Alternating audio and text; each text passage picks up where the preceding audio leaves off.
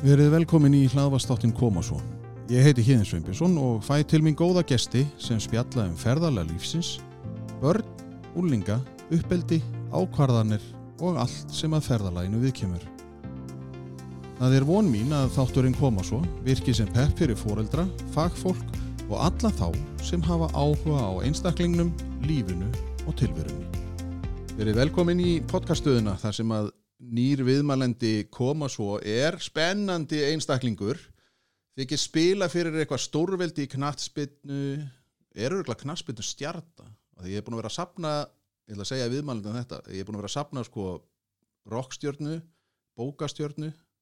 Nei, þetta var- kallar örglega ekki bókastjörnu en ég er svona að sapna stjörnu þannig að þú fær skilgreiningunum knattspinnu stjarna og þú verður eiginlega að segja nafnið þitt og hvað þú gerir þannig að ég viti hvað þú ert að gera líka. Verður velkomin Takk fyrir það, ég er að vera komin Þannig að ég er að fylla upp í, í stjörnu bóksi hjá þér ég er bara, ég bara tikk, tikk, tikk. Viltu fá svona 15 sekunda elevator pizza? Á ég, bara þú bara, hvað heitir maður Já, byrjuð ég- þar. Já, fu- fullu nafni heiti ég Bergsson Ólafsson. Þú heitir Bergsveinn Ólafsson. Kallaður Beggi Ólafs Beggi Ólafs Já, þá það svona- ertu, það er svona rockstjörnulegt líka Já, svolítið svona, já, maður má segja það og, og er það, það og þú, að því ég nefni að þú veist að spyrja fyrir stórveldið þá er það, hvaða Að stórveldi? sjálfsögur það stórveldi í gráinum, það eru- fjölinsmenn Já, það eru fjölinismenn. Já. ég, hérna, ég nefnilega gerði þann feil því ég var að tala við þig hérna, áður en ég var að bóka þig í viðtalið. Þá Já. sagði ég, ég held þú væri að fara að spila fyrir K.R. og var bara, ég, þú veist, ég er svo langt úti með þig núna. Þannig að þetta viðtal verður örugglega mjög skemmtilegt því ég veit ekkert. Ég er ánað, þá bara færð þú að grafa þessi hausti mínum og læti mig hugsa Já, og þá kemst ég kannski að einhverju við sjálfað mig sem ég vissi ekki eins og sjálfur að Já, sko. og meiri svo sagði ég áðan alveg, þú heitir Bergvinn og þú bara, uh, nei. Reyndar ekki Já, En og það næstu er- því. Já, þetta verður ekkert með veirun að gera, við skulum alveg vera það. Þó sem hún árið kólruglega henni það er gott að geta hleyið en, en eins og er að þú Beggi Ólafs og þú ert náttúrulega fer mikinn á hérna, þú ert uh, svona að, að, þú ert hvað, sálfræðingur í grunninu þegar ekki? uh, Nei, ég er ekki sálfræðingur En ég er með Nei, sálfræðing, BS í Já, sálfræðing ég er með BS sálfræð er núna bara á mánuð eftir í að, Ég er bara að loka meðrunum í reikirinn minn í mastersnámi í haganýttir jákværi sálfræð og þjálfunar sálfræð Já, Það sem ég er í fjarnámi frá London.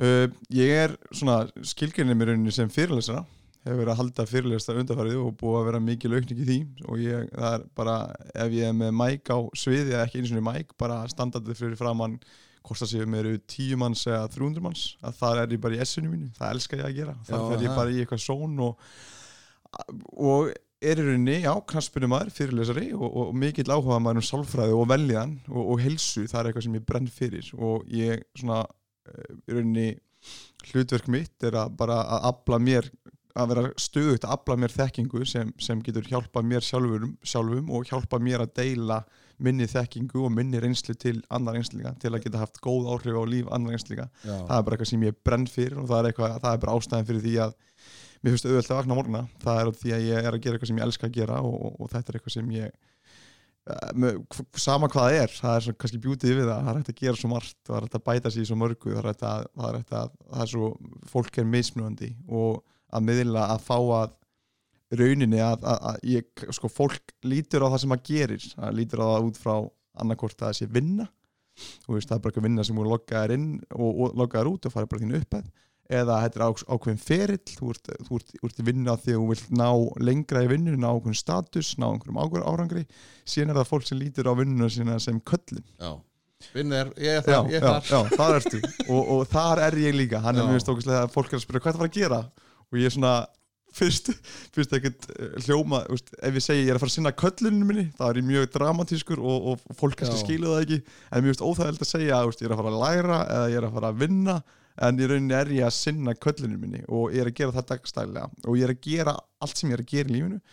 Hvort sem er að vinna við að fá fólktímin í þjálfunarsálfræði tíma eða halda fyrirlestra eða, eða í fótbolta að þá er ég ekki að gera neitt sem ég vill, væri ekki til ég að vera að gera. Æ, Já, er ekki, þetta er ekki þvingun þetta Nei. er að því að þið, þetta er eitthvað sem að þú brennur fyrir og það sem að er bara heldur gangandi og þú náttúrulega fer kannski ekki að selja sálið þína fyrir eitthvað annað, eða þú veist, ef einhver kemur og segir bara þú mátt að gera þetta. Og þú algjörlega, fær þessa hérna, spurningu þú fær miljón eða þú gerir svona. Algjörlega og þá komum við aðeins sem vorum að ræða um að vera trú sjálfur sér og fleira sko. Að en, en hvað er, þegar þú nefnir heilsu ertu þá að tala um sko að því að þú svona þú sagði með að þú ert að verða jákvæði sálfræði og þjálfunarsálfræði. Er það þá, ertu þá, viltu þá tengja sagt, í fyrirlestrunínum, ertu þá tengja saman heilsu og, og íþróttaiðkun eða heilsu og, eða sagt, bara almenna heilsu, líkansrækt göngu eða veist, hvar ertu svona að að, að, að það er náttúrulega oft þetta með sko að, að íþróttir þá verður eitthvað.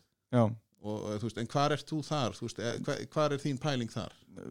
Sko hérna, þetta er náttúrulega rosalega sko, rosalega rugglandi heilsa, veljan, allt þetta lingó, hvernig fólk Já. skilur þetta. Líðheilsa mest megnis, já, líðheilsa mest megnis hef ég ástriðu fyrir sálfræði og veljan og sérstaklega andleri veljan já, en við vitum það að heilsa og líkarleg heilsa og bara uh, félagslega heilsa og fleira það spilar inn í andlega, andlega veljan það er rosalega og ég brenn sjálfur fyrir heilsu þú veist, fyrir reyfingu, fyrir mataræði, fyrir það, fleir, það bara allt sem maður getur gert til að efla sjálfa sig.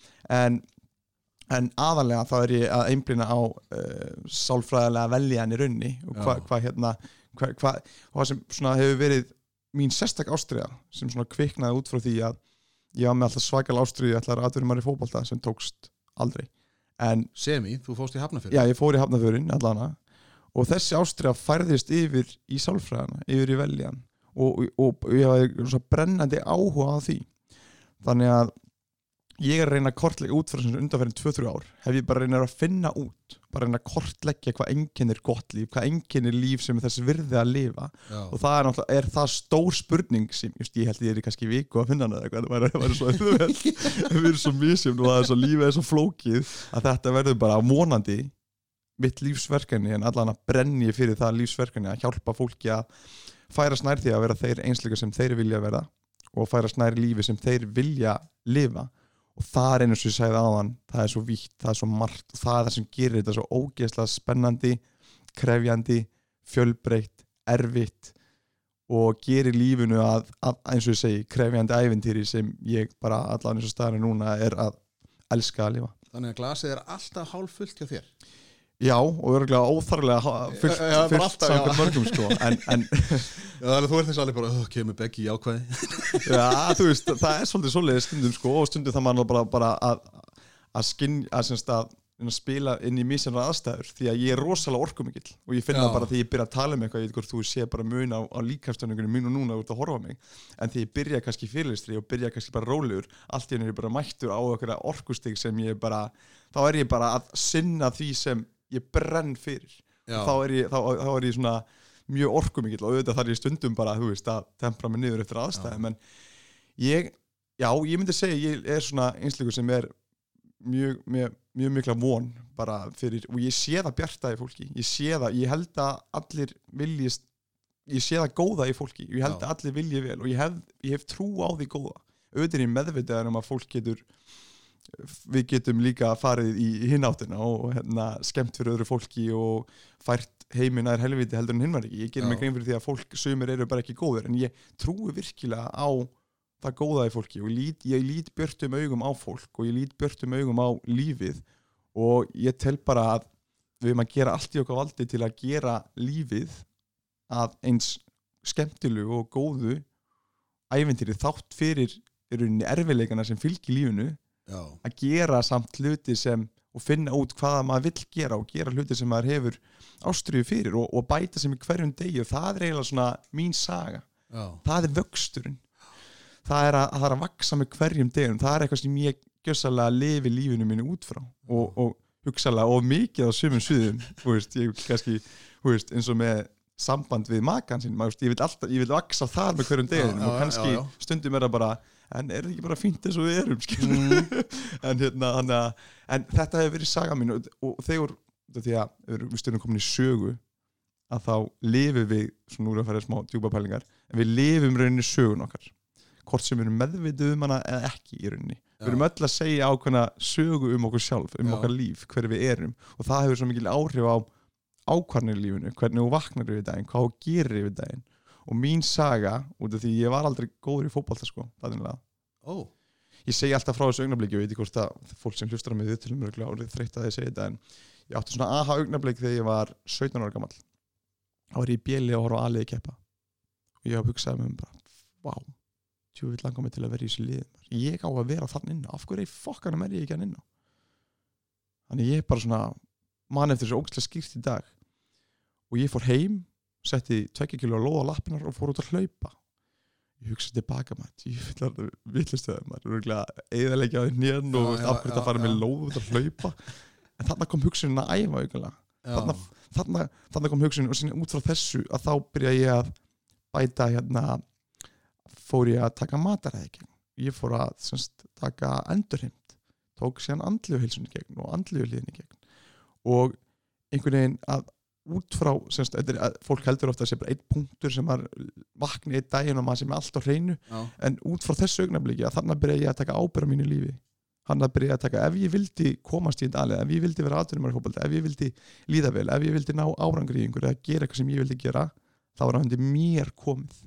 Það var, það var undir mínu valdi og það var ó, og ég hef verið svo bankað í hausna með fyrr ótt að bara ef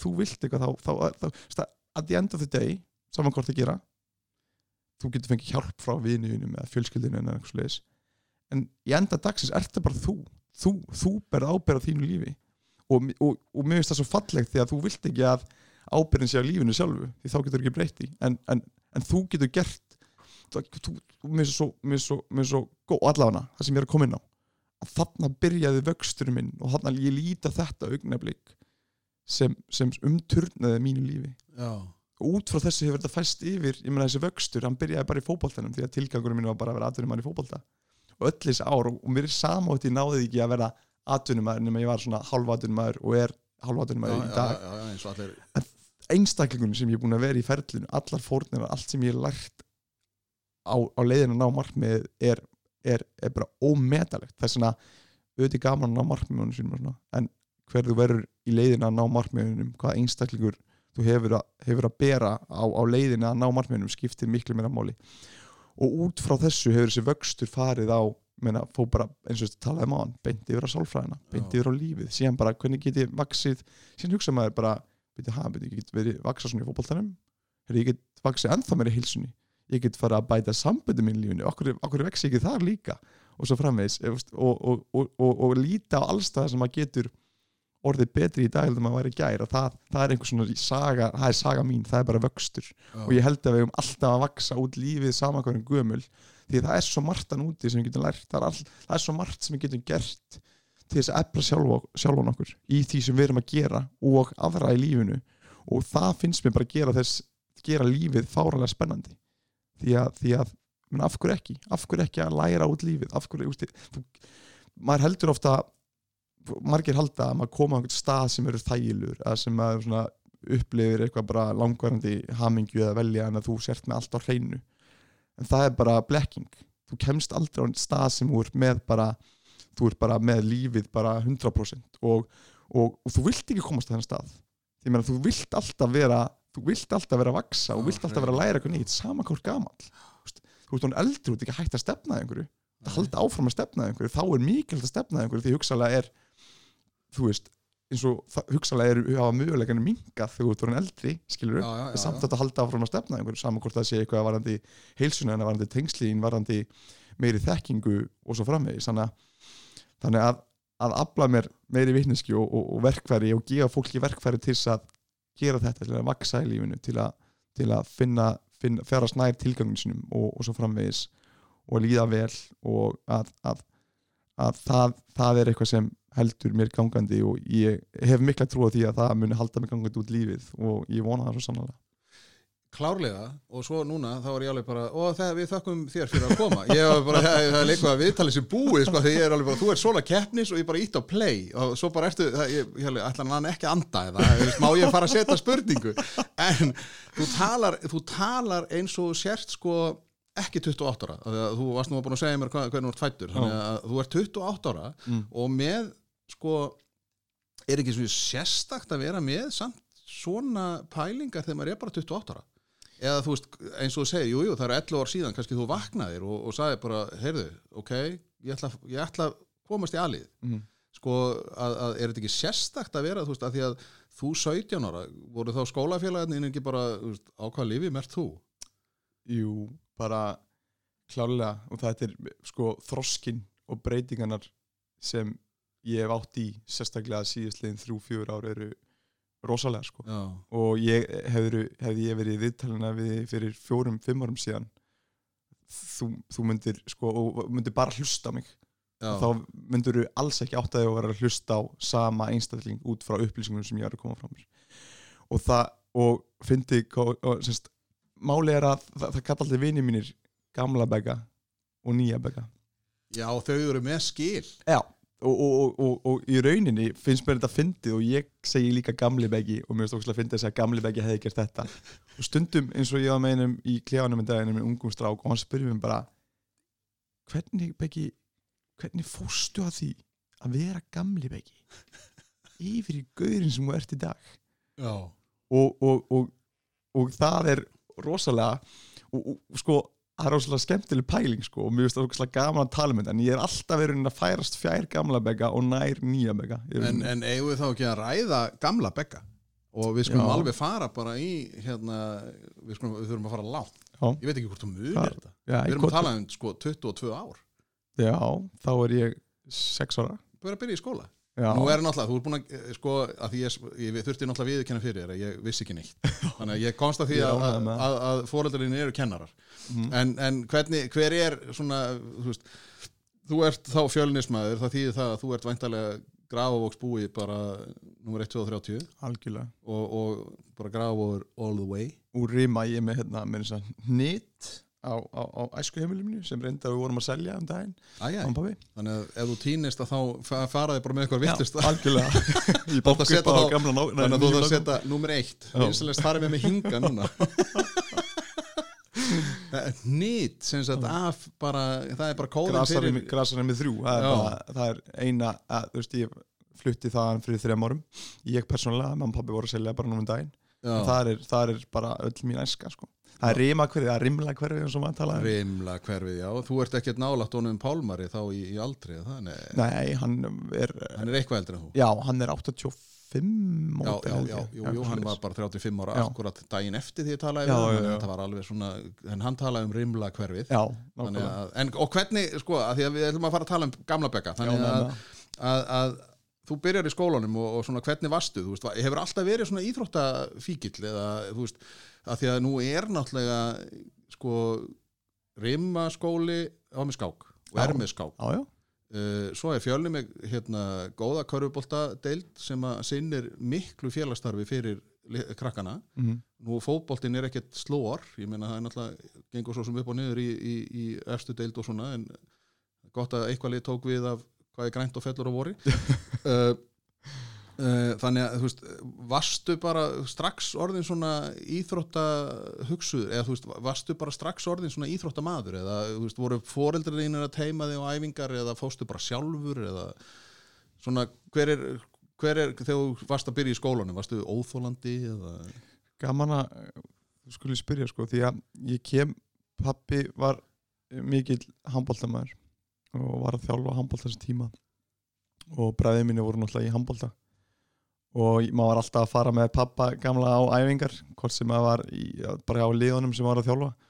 Þannig að ég hef alltaf verið í kringum íþróttir og íþróttir eru alltaf svona partur af fjölskyldunni sérstaklega handbólti uh, en síðan mætu við eins og í ína fyrsta bekk að þá voru allir, var ég byrjar að vera með vinum sem voru allir í fótbolta.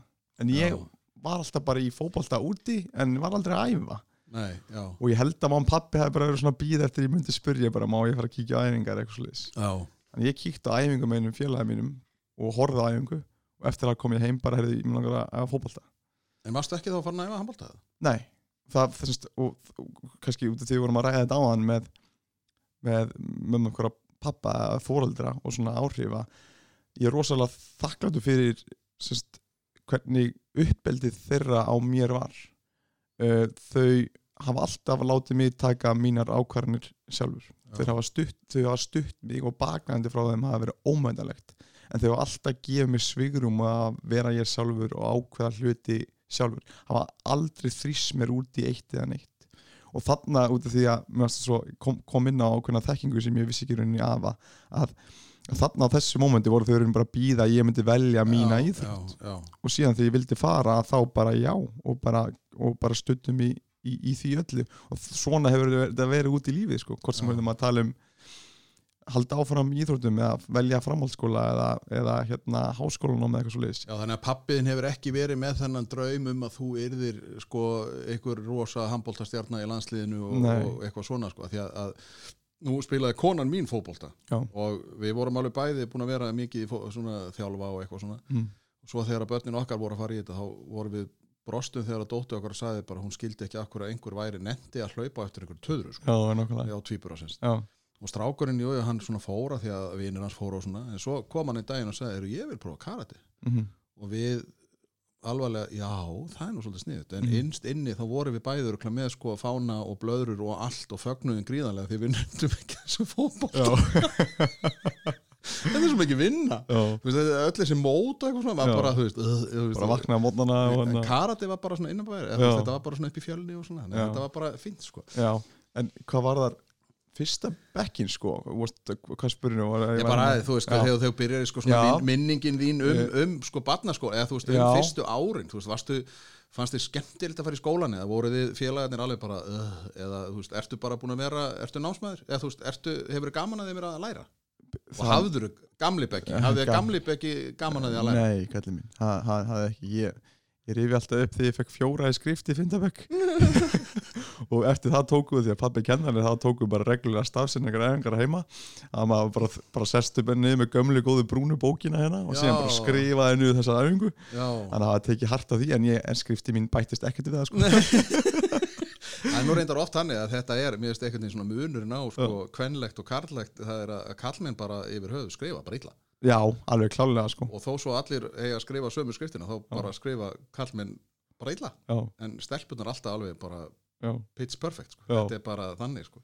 En ég held ég hef verið bara þokkalega venjulegur fyrstu árin sko, Já, bara og venjulegur gaur sko. Já, Uh, og alltaf í fótboltanum bara og, og svona Já, bara öll að frímyndu voru eitt á fótboltavellinum og reyna að ná vellinum sem fyrst áður en Já. aðri myndu ná vellinum og að keppa, keppniskapið mitt hefur alltaf verið gríðarlega mikið sko, sama hvað það var Já. Alltaf, alltaf rosalega keppni sko. og þannig að það er ekkert svona þetta bara fyrstu árin bara liðu og, og, og svona ekkert neitt eitthvað frásagðu fræðandi sem að þér finnst hafa svona leitti á, varstu þá kannski byrjaður þú veist, eða var eitthvað að fara svona að segja við þig þú veist að þú væri nú svolítið góður í fótbolta Já, að því að þessi draumur um að verða sko þetta er svo óbáslega sérstakt að því nú þekki eins og í breyðablík það sem að var sko að þegar að strákurinn minn var ég meina þeir voru 140 í sko sjötta flokk eða Mhm. eitthvað og þeir sko náðu frá endalínu fótballtövallarins yfir hinum einn sko. Mm Þú veist, 140 og allir ætluðu þeir að verða næsti Ronaldo já, sko. já, þannig að, að, að sko og, og mín skoðun á fótbolta í dag er náttúrulega þetta er veist, 140, það er aldrei ánægi út, þetta getur ekki þetta virkar fyrir ákveðna prósentu. Mm. Þú veist, þeir eru allir hættir í dag. -hmm. eða margir, Mhm. skilur. Að, að það er svona búin að, að svolítið sjúa út sko gleðina við það að vera bara út á velli, já, svona í skólatíman eða þú veist, mað, það er bara tvent ólíkt. Mm og svo náttúrulega þetta að, að fótboltamenn eru náttúrulega bara útflutningsvara. -hmm. Að þegar stundu þá er maður bara já, það bara kemur einhver, hann er bara seldur sko. já, nákvæmlega þetta er bara viðskiptið já, en það er hárétt hjá þér, ég meina af 140 yngslingum hafa mjög, þú veist, kannski einn að fara ræður maður, já, þú veist, kannski. Já, eða bara komast upp í mistraflokk þetta, það- þetta. Er, þetta, er, þetta er orðið svo sko, þetta- þú veist, ef það er sko erfitt að vinna í lotto, jésus Já. minn, það er nú en- ennþá erfitt að komast í mistraflokk Þetta er áhugaverið punktur hjá sko og krökkum í dag að hafa hann atunum minna draum bara frá því að byrja í fótbolta. En fyrir mitt leiti þá einhvern veginn var ég var ég bara mætt að fyrsta æfingunum minn mann alltaf, einn bestu vinnum sagði alltaf bara ég held að einhver gaur var að mæta æfingu sem kynna ekkit fótbolta. Síðan var ég bara bara með þeim betri á æfingum þó ég hef aldrei æft fótbolta. Já, en allavega þá, þá, þá kvarla ég, ég elskaði David Beckham ég bara dýrkaði David Beckham sko. En það kvarla aldrei að mér á þessu augnablíki einhvern tímann einhverju atvinnum sko. Var bara í þessu því að félaginu mín úr þessu og þetta var ógeðslega gaman. Bara gaman að fara mót, gaman að auðvitað var gaman að því að maður var góður í því líka.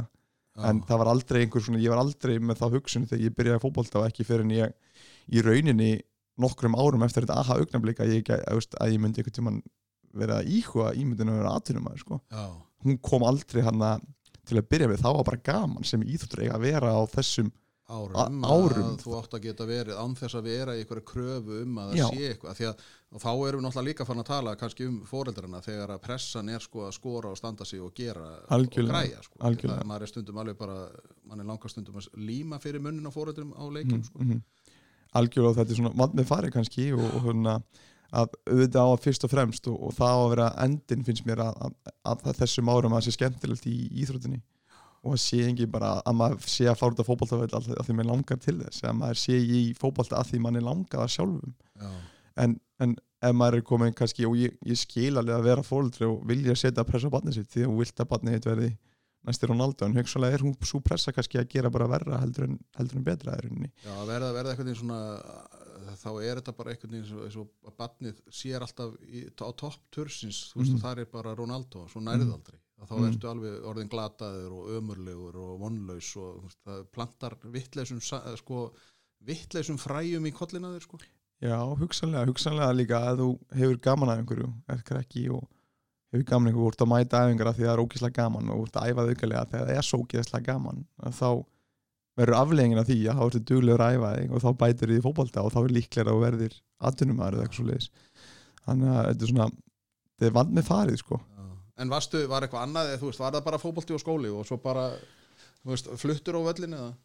Veist, Já, var- Varstu basically. bara alltaf í fjölishúsinu? Og, Já, En, en, en var eitthvað annað í kringu, þú veist, varstu að prófa eitthvað annað eða varstu, var þetta eina tónstundin?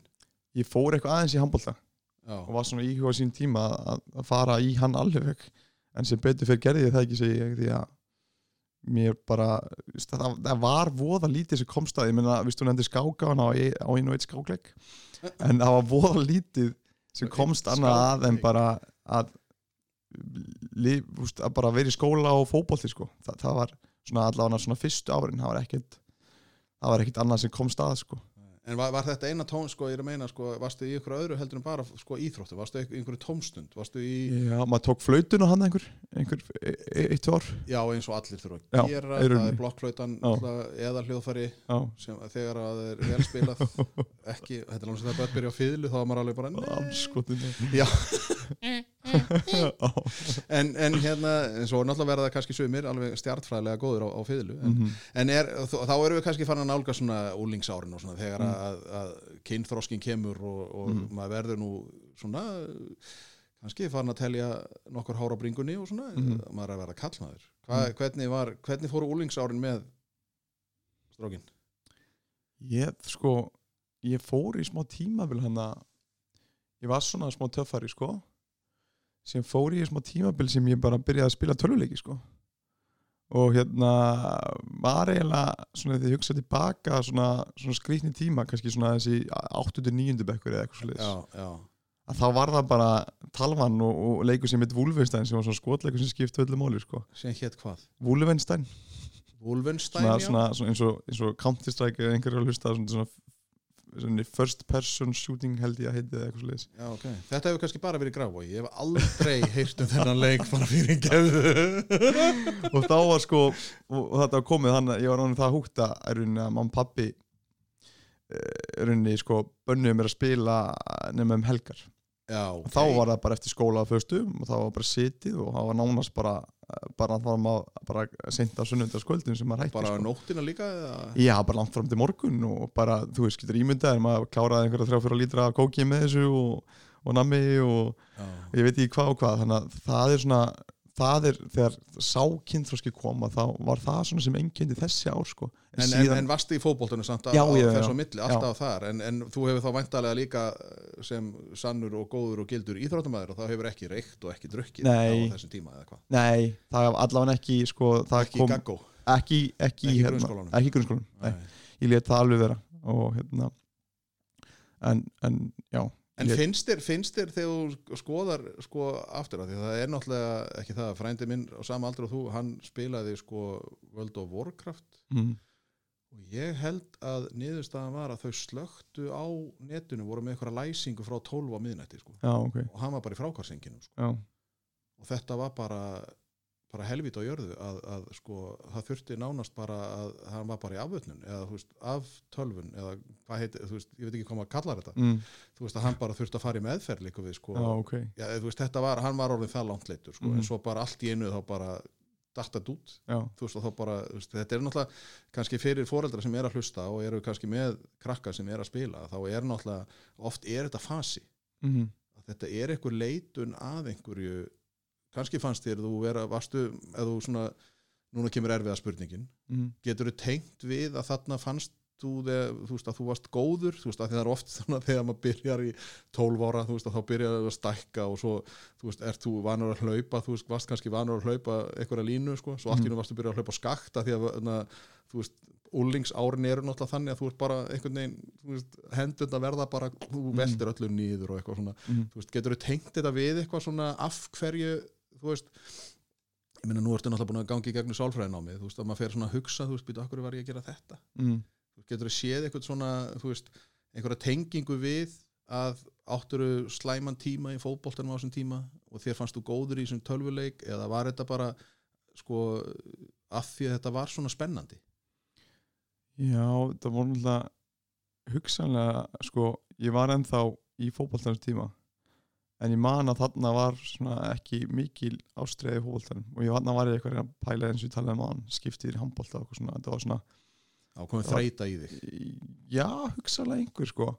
Og, og, og, og sko þarna líka þá var svona það var svona annarkort varstu farin að prófa eitthvað, þú veist, hvort það var að fá þér einn sjús eða þú veist kannski reykja, þú varst svona í svona þeim hóp já, og svona í einhverju djúsir í eða þú veist, í einhverjum ammalum sent á kvöldin eða þú varst kannski bara heima hjá þér og kannski leita er þá þetta, frekar þetta í staðin því þú varst mjög kannski hrætt í staðin sinnpakkan ég, aldrei, tengd aldrei við það að fara út í og vera með fólki sem voru að gera þessa hluti því ég var bara saklus í beggi og svona kannski að ég frekar leitað í, í tölvuleikin e, út af því að ég hef ekki viljað feta hinabröndina og, og, og, og kannski fannst hugsanlega einhverjir vini mínu vera meiri þá áttina skilur og þess vegna kannski dróma þessi meira til hliðar ekki það að ég átti bara mjög góða vini og, og, ég, var ekkert, og ég var að spila tölvleiki með vini mínum. Já, og ég, ég var ekki, þetta er ekki svo ég hef bara verið bara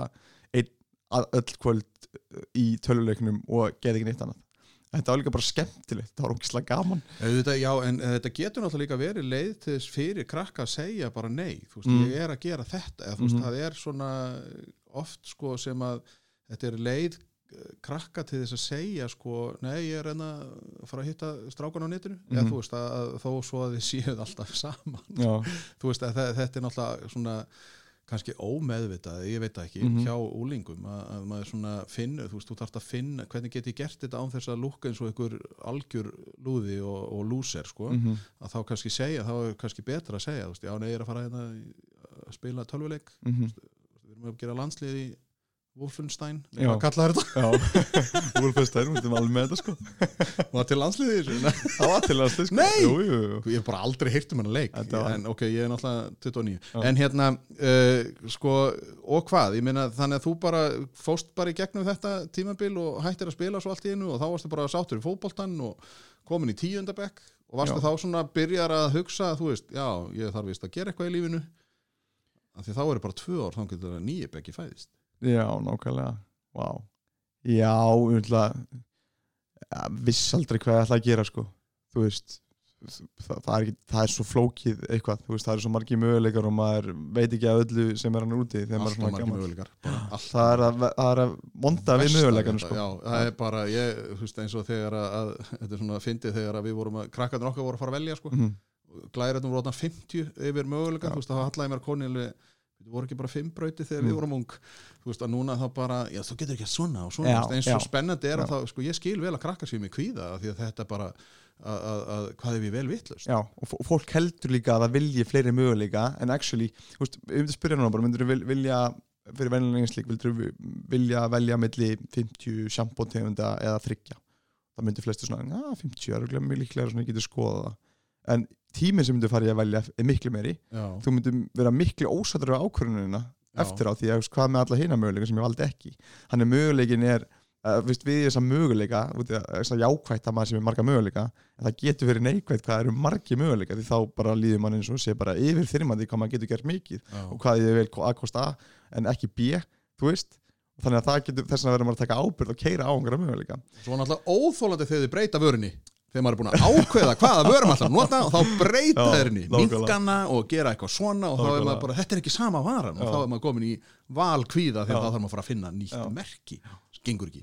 En Og hvað- allavega, svo ákvörun í tíundabæk að þá ætlaði ég alltaf var svona, ætlaði ég MS MS er svona, var þekkt í skóli sem var svona gott félagslíf og já, ég ímynda mér oft sko, en síðan hætti ég við að loka momentunum og ákvaða að fara í afreiksbröð í fótbolta í borgarhalskóla ok. Það til dæmis, talandi um ákvarðanir og hvað litlar ákvarðanir samt, þú veist, litlar samt sem stóra geta leitt mann á mismöðandi staði í lífinu að þá er ég rosalega ánæði með sko forvera gamla begga í rauninni fyrir að taka það ákvarðan því að ég held að þú veist, aðstæður og fólki kringum okkur hefur svo mikil áhrif á okkur þannig að þó svo, og þannig ég ákvað að taka þessu ákvörðum því að það var að byrja ný, ný braut hann í borgu og hann ég gætt æft á mótnana líka í fótbolta. Þó svo ég þarna var engin atvinnumannandrömmur í, í komin í fæðingu, þarna var ég bara í fótbolta. Já, langaði bara að vera í fótbolta. En þar var ég í góðum félagskap sem hafði áhrif á það að ég ákvaða að fara frekar í borgu og, og sá alltaf var alltaf segjandi um mig, ég sá eftir því sko, því að það var svo gott félagslíf í MS sko, var svo, en þar var kannski me- meiri vinni mínu sem fóru í MS og svona, þeir voru kannski meira í einhverju byrja, svona dróðust meiri hinn áttunum, þetta er svolítið aldurinn sem skilur á milli til dæmis í íþróttaðið sko. það, það, það, það skiptir ekkit máli öllu máli hvað getur upp til dæmis alla yngri flokkana og svona.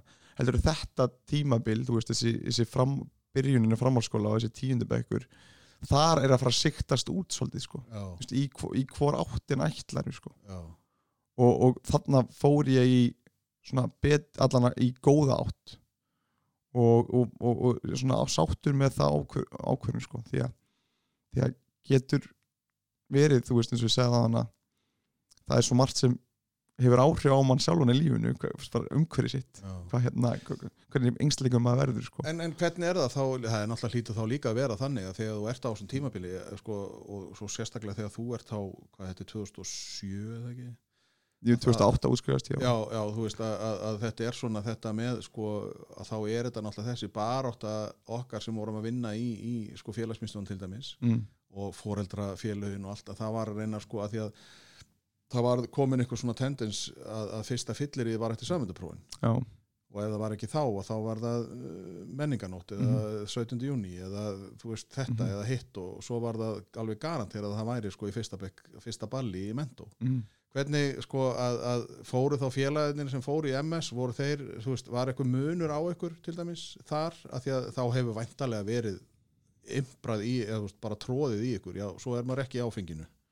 Þú veist, þegar þú byrjar í Borgó á þessu skilur að þú hefur ekki þá hefur haldið þið frá mögulega áfenginu aðeins lengur heldur en margur annar. Eða varstu svona þú veist, þetta er bara að því að þetta tími er svo, Mhm. sko, að því að þú að því að maður er einhvern veginn, svo er það þetta hvað maður er sko fljótur að láta þú veist, alveg eins og þetta með að maður kannski velur frekar tölvuleikin mm, sem að er, þú veist, hvort sem hann er góð, hinn er góða eða illa að, að þá ertu allan með afsökunina. Mm, en svo allt í hennu ertu konið í mentaskóla þá er einhvern veginn bara ætlast til þess að þú verðir þú byrjar bara að drekka. Mm, og þetta var bara svona, svona gerði við þetta. Mm, þetta var svona þegar ég var, ég er bara 16 ára veist, þetta var bara, þú varst bara sjálfur að. Mm, en þú veist, núna ertu sjálfur að 18 ára og fóreldandi bara ennþá ábyrðar en það var svona eins og það hefði gleymst að prógramera það inni á þessum tíma sko, þegar þú ert mm. að að klára sko. eða byrja sko. Já, þá kemur öll þessi pressa frá vinnu sinum eða, eða, eða einsleikur sem eru með að, að, að byrja að drekka eða eitthvað svo leiðis og það er náttúrulega erfitt Já. því að það er erfið að standa við sjálfur sér heldur en að gera það sem aðrir eru að gera. Já, því að svo vilja hinn er náttúrulega að draga þig með að því að þetta verði aðeins lögleira sko, þá er böggið var með mér. En, en, veist, en ég, ég meina, ég drakk fyr, mitt fyrsta fyllir ég má svo segja að það, það var samt í bara í lokina fyrsta önninni í framhaldsskóla. Já, já þannig, en þú veist, þú náði samt þó að halda Já. það lengi Já, veist, já. Það, og það var alltaf svona megi markmið, ég man að þetta var alltaf í umræðinni sko, hvenar að þegar maður segir átján sko, mm að, að þá er maður allan að búin að ná því sko, -hmm. þú veist, og svo eru náttúrulega allir í dag með einhverja etrupotta og veist, það er svona vera að efla þetta, því að þetta er veist, ég er búin að segja það marg ofta ég bara skil ekki, því það er kannski að því ég er alveg upp í Bjarnafel og leikirni voru sko viku setna og þeir voru í svartkvítu og, og Bjarni hann sko takið eftir þessum spilara nú er eitthvað að gerast og svo var skorað skilur Já. hann var náttúrulega búin að horfa leikin og þú veist og maður var bara heimaleiku við með sko með dífu og, og snakk sko Já. svo allt í henni þetta með sko tengingin fótbolti og bjór. Þú veist, ég, bara, ég skil þetta ekki Mhm. ég skil ekki þessa tengingu Mm. en ég veit ekki hvað, veist, það er eins og ég sé nú tala ég eins og ég sé af elliheimilinu sko. Mm. en ég bara sé ekki að því að íþróttir eru alltaf henni góða og þú óttaði þetta og líðheils og svona en svo eru allir alltaf að horfa á fótboltaleiki með bjór Mhm. þetta, þú veist, þetta meikar engan sens í hausnum á mér Mm. ég skil þetta ekki veist, þannig að ég skil þú veist, eins og fyrir ykkur veist, þegar maður er 16-17 ára Mm. og núna þú veist, kringu 2000 og allt þetta Mhm. og 2010 og að, veist, að þetta er einhvern veginn svona alltaf ótað Mhm. að manni Mhm. þannig að þú hefur samt náð að vera þú veist, náð allavega fyrri önnunni eða fyrstu önnunni, veist, halda þér þá það lengi? Já, í rauninni. Og hvað hættur þá að drekka strax að því að svo eru margir sem að drekka og svo er bara, ugh, þetta var ekki alveg hérna, Nei, ég hérna, gerði það ekki sko. Nei, og, þarna er rauninni það má segja að þarna fæðist gamli byggi sko. Í rauninni sko. Þannig að jólin þegar þú ert 16 ára, þá fæðist gamlebeki Já, og síðan út frá því, út frá síðan fóð maður einhver böll og svo framvegis og hérna út frá þarna var ákveðin svona gamli byggi sem að kalla hann rauninni. Út frá, og, semst, og síðan frá þessu aha-augnablikki hef ég í rauninni alltaf verið að ferast fjær gamla begga og nærin í begga, já, já, já. Þannig að í rauninni þá er þetta bara eitthvað, þetta er eiginlega bara mjög stutt fer, stutt tímabil sem að gamli bekki svona er. Eða þú veist, er þetta þá að því að þá verður, er þetta þá þrískipt? Þetta er þá eiginlega þrískipt af því þú ert bara bekki svo byrjar að drekkur kannski og þá verður eitthvað svona eitthvað útgáfa af þér sem er kannski ekki alveg nógu góð mm, og svo kemur aha momentið Já, og morgu leiti og, og samt ekkert aha-momentið þá eins og ég segi, þá hætti ég ekkert öllu. Nei, nei, ég er að meina, þú en þú veist að þá- fóstu svona aðeins að skoða já, og, og sjá, þú algjörlega. veist, að ef að þú vilt þetta algjörlega, þá þýðir ekkert að geta tonna lakrís á hverju föstaskvöldi sko. að það verður að vera náttúrulega þú veist, maður getur ekkert bara verið að skópla í sig lítra ís á hverju kvöldi og þykist alltaf verða svo besti fótboltmaður á Íslands. Algjörlega. þannig að veist, það er bara alveg það sko sem að er svona, þú veist, hvort það var eitthvað þarna sem að, þú veist, fannst þér þú fara eitthvað svona ekki, ég reknar nú ekkert með að þú hafa farið eitthvað offar í þessu Nei, veist, þetta, er bara svona, bara- veist, að, að þú vakna bara í daginn og segir bara, ok, þetta er kannski ekki alveg lína sem ég vil vera Já, ást, ég var óskup, finnst mér bara venjulegur þanniglega, bara íþjóttastrákur og einstakar sinnum, ég, ég alls ekki neinu ruggli, nei, já. komin á okkur ranga veg þanniglega að sé sko. Nei, og e, en bara eins og bara vinni mínir og, og, og þeir sem voru í kringum í bara fótboltanum og svona þá bara áttu það til að fá okkur í glas og en, en dróst aldrei neitt meir en það. En auðvitað tók svona ákveðið tímabil og ég hætti ekkert öllu á þessu augnabliki en, en, en þar kom þetta upp að þú veist að, hérna, að kom þessu hugsun fyrstulega að ég gæti gert eitthvað, ég veist að, að ég gæti í rauninni, það væri, það væri bara undir mér komið hvað ég vildi gera og ég Já. myndi fá að ráða því, það er engin annar sem einhvern veginn veist, ég get bara verið ég sjálf eða fæst nær því að vera einsleikur sem ég vil verða. Já, en ég þarf ekkert að gera sem aðrir er að gera og, og svona þú, hugsun einhvern veginn kviknaði og út frá því tók bara þessi litlu skrif sem maður lítið bak og er bara risastórt stökk síðan þá sko. já. En hvernig er það þá þegar að þú, sko, þegar þú ert hérna, þetta aha-moment eða þú veist að þegar þú svona ferða að, að, að hugsa í þessa áttina mm -hmm. þú veist að, að ef þú ætlar að árengri þá kannski verður að gera svona þú veist Mhm. að þetta er náttúrulega svona væntalega bara kubbar og blokk, þú veist, maður hugsa reyndu eins og Lego, þú veist, Já. það bara, já, heyrðu, ég þarf að gera þetta þá ger ég svona, þú veist, að þetta er ekkit bara blokk upp, sko. Nei, þannig að, að, að hvað er, þú veist, og er þetta þá bara síðust árin að þá svona þú veist, ertu bara að finna þig í þessu og svona, var, var eitthvað meira að gerast, þú veist fyrir auðvitað það að þú fóst að hugsa kannski eh, spá og spekulur meira eins í heilsunni og setja náttúrulega lóðin og lappið bölðu þæla maður. Mæla ekki með því, ekki gera það. Þú veist, þannig að, að, þú veist, er þetta eitthvað svona þú veist, eins og ef viniðin hafa að segja, þú veist, byrju, hvað er byrju, hvað, á hvað vekkferð ertu núna, nefnir ekki að vera þú veist, hinn, hérna, hann var miklu skemmtilegri eða þú Mm. veist, var eitthvað svona sko, varstu þá líka fann að pæla í eins og sálfræðinni eða þú veist, hvar, þú veist, framtíðar möguleikarnir, Mm. eins og þú segir þú veist, varstu þá eitthvað svona, heyrðu, já, ég ætla að fara upp í aliðið, Mm. en varstu með eitthvað að drauma yfir aliðinu þú veist eins og þetta með að mögulega kannski gætur orðið aðtunum mm. ekki til að byrja með þarna kom bara, semst, bara aðlið ætlaði bara að komast í aðlið og þarna árið eftir á komast í aðlið og var fyrirlið í aðliðinu þá var markmiðið þegar ég ætla að komast í meistarflokkin já, og þá bara, þú veist, þrejum mánum eftir að komast í meistarflokkin sér var það bara þegar ég ætla að byrjunleismæður í meistarflokki árið eftir var ég byrjunleismæður í meistarflokki og þar kom, heyrðu ég ætla að aðtunum mér og veit það, þetta er ákveðin svona skref kannski hæfilega stór skref sem maður tók staðan Já. fyrir að, að kvikna eitthvað strax að ætla að aðtunum maður já, já, þú ást ekki fílinn strax. Þú, þú tekur hann, þú tjoppaði hann niður og, og skarst hann niður í bita og, Í ást rauninni, hann svona, sko. en e, og er þetta þá bara allt með að þú ert að klára borgu Sins, þessi Já. ár, sinns að þú ert bara tvítugur og þá ertu komin í meistarflokkin og, og svoleiðis. Já, spilum við fyrsta leik 17 ára held ég. Já, og 18 ára spilaði bara all, alla leiki sko. já, þannig að, já, þá er ég að klára borgaðjáminni mig já. Og hvað, en, en hvar er það þá? Ferðu strax í háskólan eða? Nei, ég tek mér ég útskrifast á fjórum og hálfu ári því að ég var ekkert sérstakur námsmaður sko. og ég hérna pappi tók mér nú á teppið þannig eftir einarinn að það sem ég lef með að segja það bara.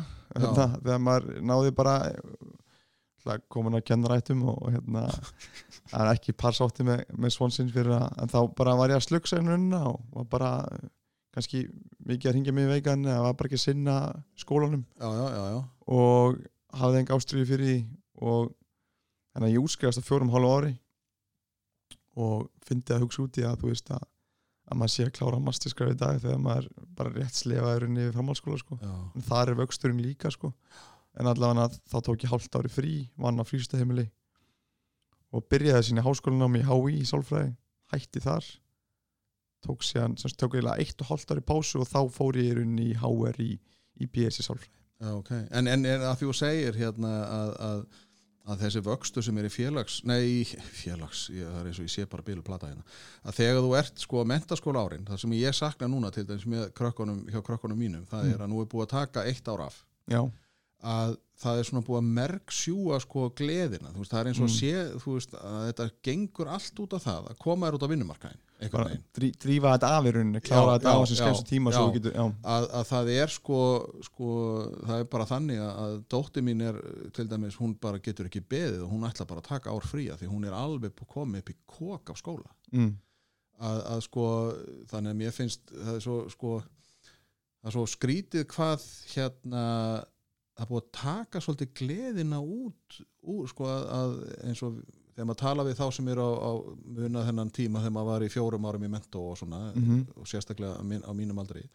að það eiga allir ár sem að er bara þú veist að þú bara vá, ég það fjóra og, þú veist, og maður bara einhvern veginn skreið yfir þetta. Mm, og svo náttúrulega bara kom allt í einu þú veist, uppvakningin í fjórðabekk að maður bara svona, já, herðu hm, maður kannski getur ekkert verið með fjóra ef maður ætla að fara í eitthvað nám já, já, já, skilur, að Já. þetta er svona þú veist að þú, þetta, lífið er ekkert bara ein lína, veist, það er upp og niður og það er öldudalur og þú getur tekið þú þarft að taka hægri beig í staðan fyrir vinstri beig einhver staðar og svo kemur ringtork og þú stendur bara hm, hvar á ég að fara út og mm. -hmm. skilur mm, mér finnst svolítið svona ekki það, þú veist, ég hef alveg átti við höfum alveg átti þetta samtal og þú veist, og þetta er bara tímabil og svona sem maður er að peppa. Mm, en þe- þetta er svolítið svona sko að, að leifa sér veist, ég var 26 ára þegar ég fer í mitt nám sko eftir Mhm. mentaskóla mm, það er enginn sem segir sko að, að þú þurfir að fara í beit.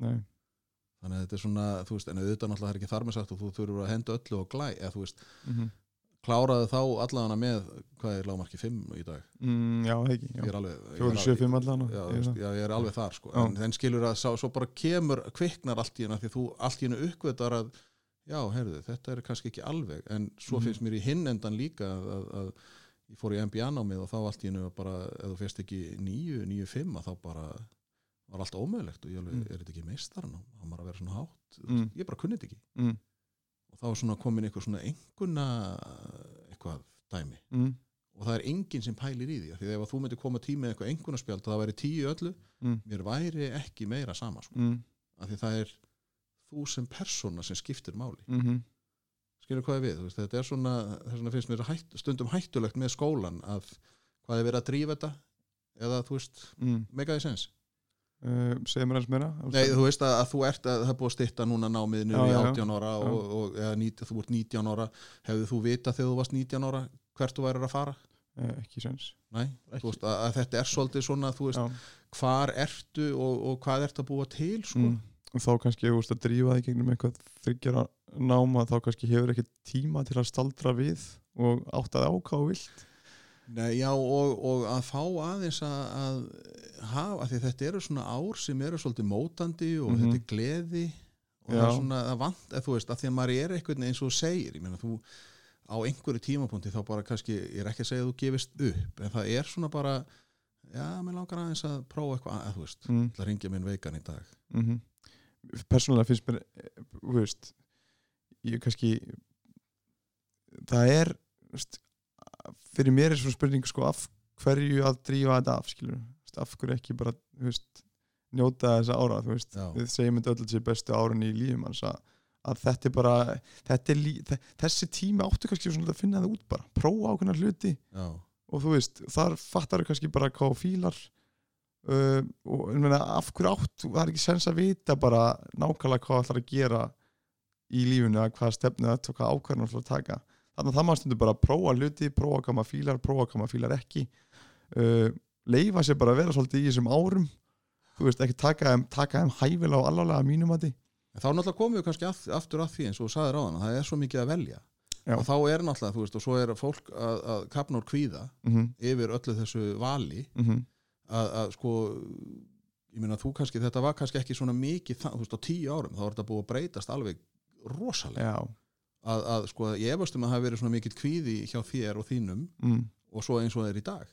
Nei, að það er einhvern veginn bara, þetta gengur bara alltaf að velja einhvern veginn það er allir svo að, þú veist, er ég að velja rétt? Já, og líka þú veist kannski mikil þjáning fyrir fólki okkar í dag að, að, ungu, unga fólki okkar í dag hvað hva er kannski miklu meira upplýst í rauninni, upplýst um alla möguleika heldur um að var á þeim aldri því það er svo margt núna þú veist bara við erum svo tengd í gegnum alla þessa miðla já, og alls svo margt á netuna, er svo margt sem við erum kannski við erum meðvitaðari held ég að segja, unga fólki okkar er miklu meðvitaðara heldur en maður var á sínum tíma. Já, maður var ekkert meðvitaður um þetta allt sko. maður var meira að finna einhverja möguleika fannst já, mér, já, meira, veist, og, og núna eru þetta svona eins og þú segir að það eru fle fleiri möguleikar og, og þú veist, og hvaða möguleika á ég að velja? Á ég að velja sem allir vinni mínir er að gera eða ég að velja það sem kannski er aðeins að kalla mig já.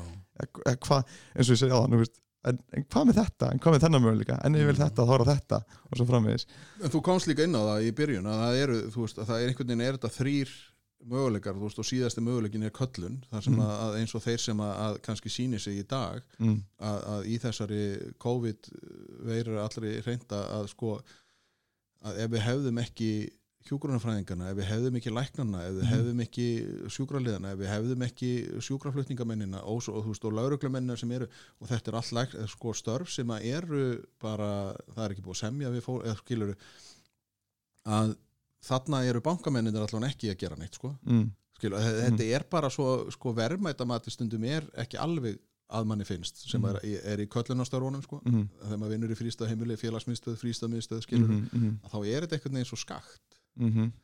og það er náttúrulega líka þetta með þegar að, að ábyrðin sko að velja. Mm þú veist, rættir þú til dæmis við fóreldreina um hvað þú vildir eða þú varstu, og þú segir að þú hafi farið í sálfræðina þó í, í HÍ, -hmm.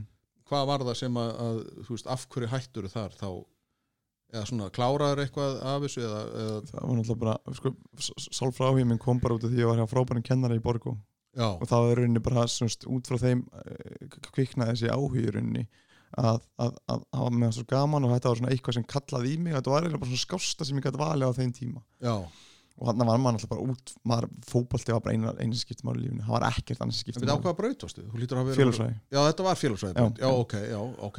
Og hérna út frá því kemur að það ákveði að fara í HÍ bara því að var, rauninni- ég var ekki tilbúin í háskólan á þeim tíma. Nei, ég sé þetta því að fótbolti var bara um svo miklu ástriði sko. en síðan einhvern veginn kemst ég hann inn í að fer í HR og það er er svo sem er þetta ennþá bara svona skást í möguleikin ég, ég, bara hef svona hæfilegan áhuga á þessu sko. Já, ég er ekkert að brenna fyrir sálfræða þessum tíma sko. Nei, það er eiginlega bara, er bara svona með rauninni. Að menta sig að vera með eitthvað annað en fótboltanum sem kannski mamma pappi svona hefur kent mér að er mikilvægt að vera með eitthvað til hliðar og vera með eitthvað að, að geta að geta sinn kannski einhverju áhugamæli eða einhverju í framtíðinu því að fótboltin verður ekki alltaf og hafa eitthvað, eitthvað annað tíma en að gera því að meina ein meðisli og þú ert bara off eða, eða þér gengur ekki vel og hvað átt að gera þá og svo framvegis að- gera eitthvað á meðan þú ert að, að, að, að sinna þér undir draumaninum Mhm. að vera samt með eitthvað side project. Já, og ég hafði ekkert eitthvað gífulega ástriðu fyrir sálfræð á þeim tíma. Uh, það var meira bara svona með að sumt áhugavert og bara gaman að vera í, í að læra eitthvað. En, en það var, það var, það var í, ekki í priority, fókbaltinn var eina sem ég sá á þessum tíma sko. En var, var þá, þannig að þá ertu hvað ára en 20 og tryggja eitthvað sluðis þegar þú uh, ert að ef ég reikna þetta rétt, þegar þú byrjar aftur í HR Já, ég byrja aftur í HR heldur 2014 15 eitthvað svo leiðis það er, ekki, það er 3 og 2 22-23 já, þú veist að þannig að þú ert svo núna með þá 2 árið þegar ekki í, í meistara búin að verið 3 ár núna þetta er búin að vera svona fjarnam já, já, já, já þannig að Já, umskræðslega í 2017 en það er í rauninni ekki bara fyrir núna. Já, kláraður ekki fyrsta ári í HÍ? Nei, ég hætti eftir hálfláðin í HÍ Já, ok. Og fóð séðan í HR já, já, já. En, en, en ok, svo ertu þarna. Þú ert í HR og Mm. þá er það náttúrulega kannski að við erum að fara að, að myndast við að fara að ræða allt þarna sem þú byrjaðir á í, í fyrstu þre- 15 mínunar sem ég, ég skrifaði tvö orð þegar við erum að ræða Já. en, en sko þarna ertu þau náttúrulega að því að þú varst náttúrulega svona, ég var nú alveg óljóst eftir það var ykkur B. Ólafsson sem kom inn á völlin og skoraði mark og var eitthvað svona og stónin leiðtói hjá fjölni Mhm. og svolítið og svona og svo var það að félögin stóru ok, stærri félög heldur en fjölnir, stórvildið voru farin að horfa á þig mm -hmm. uh, og þú ferði í FH Mm -hmm. og svo ertu farin aftur til fjöl, farin til fjölni sko, þú veist, hvar eh, ekki það að- ég sko álæsæri ekki að því ég myndi aldrei nennan þessu en það er náttúrulega bara því ég er ekki vanur mm. veist, að þetta er náttúrulega líka lífstíl Mhm. en hvar sko er eitthvað í náminu sem að þú svona ferða sko skinjar að það er eitthvað ú, heyrðu, þarna er eitthvað sem ég gæti farið að vinna við mm. þú veist, hvar er það sem að sko, finnur eitthvað aðra breytingu eftir að þú sko byrjar svo í þó að sálfræðin hafi bara verið svona eitthvað sidekick að þú þurftur Mhm. að hafa eitthvað til þess að já, ef ég meiðist í hnénu þá hef ég allan á sálfræðina Mm -hmm. þú veist, er einhver staðar á þeirri leið sem að þú svona þegar þú uppgötar svo þessa köllun þína að Mhm. þú vilt standa fyrir framan fólk að það er eitthvað svona performer í þér eða þú veist, þetta er náttúrulega líka það að maður vill gæta sína sig mm. eða þú veist, þetta er svona veist að, að hvar er það sem þú uppgötar þetta Mm. Þetta er mjög áhugavert áhugavert spurning sem ég hef velt mikið fyrir mér sko. Þegar ég var að byrja í HR þá var ég alltaf með einhverju hugmyndum að ég myndi nýta þetta eitthvað í, í sálfræðina verða kannski íþróttasálfræðingur eða eitthvað svo leiðis en aldrei með svona skýra stefnu. En það er ekki fyrir það eins og segir og við tengjum sko FH við, við fótboltan að það var svona, svona setna ári mitt í FH að þá var ég hérna, minni mig á þá, þá var þessi svona áhugi aðeins að kvikna. Þá var ég svona síðast árinu minni HR ég var alltaf inn að byrja að fara rosalega góða rengunir já, og var alltaf inn bara frá því að sleginu framhaldsskóla þá var ég alltaf inn komið með yfir fyrsta engun og bara alveg tölvört yfir hana. Þar var ákveðin vöxtur í skólanum Úst, ég var engunum minna hækkuð upp allar önnar já, og þar var ég alltaf inn að byrja að fá meiri áhuga og svona, hmm, þetta er svona eitthvað sem er að eitthvað sem er svona að læðast að, svona að aftan á mér, svona einhvern veginn, svona einhver sem svona og setna ára mitt F og finnir henni fyrir að þetta er svona aðeins byrja að grípa í mig. Aðeins svona einhver einhver svona köllun og í rauninni þarna kemur líka ljós að, að lífmann sem hefur verið bara alltaf bara fótbalti, fótbalti, fótbalti, eins og skiptum alveg fótbalti en þarna fyrir að koma inn í það er margt annað í lífinu eins og, eins og kannski fjölskylda eða maki eða, eða, eða vinna fyrir utan fótbalta og svona fram eins og kannski var þarna atvinnum mann draumurinn aðeins að dvína hann að setna árið. Skilur að hvort ég vildi verða atvinnumæður í, í Nóri og koma heim eftir tvö ár skilur hvort að það var eitthvað líf sem ég vildi lifa.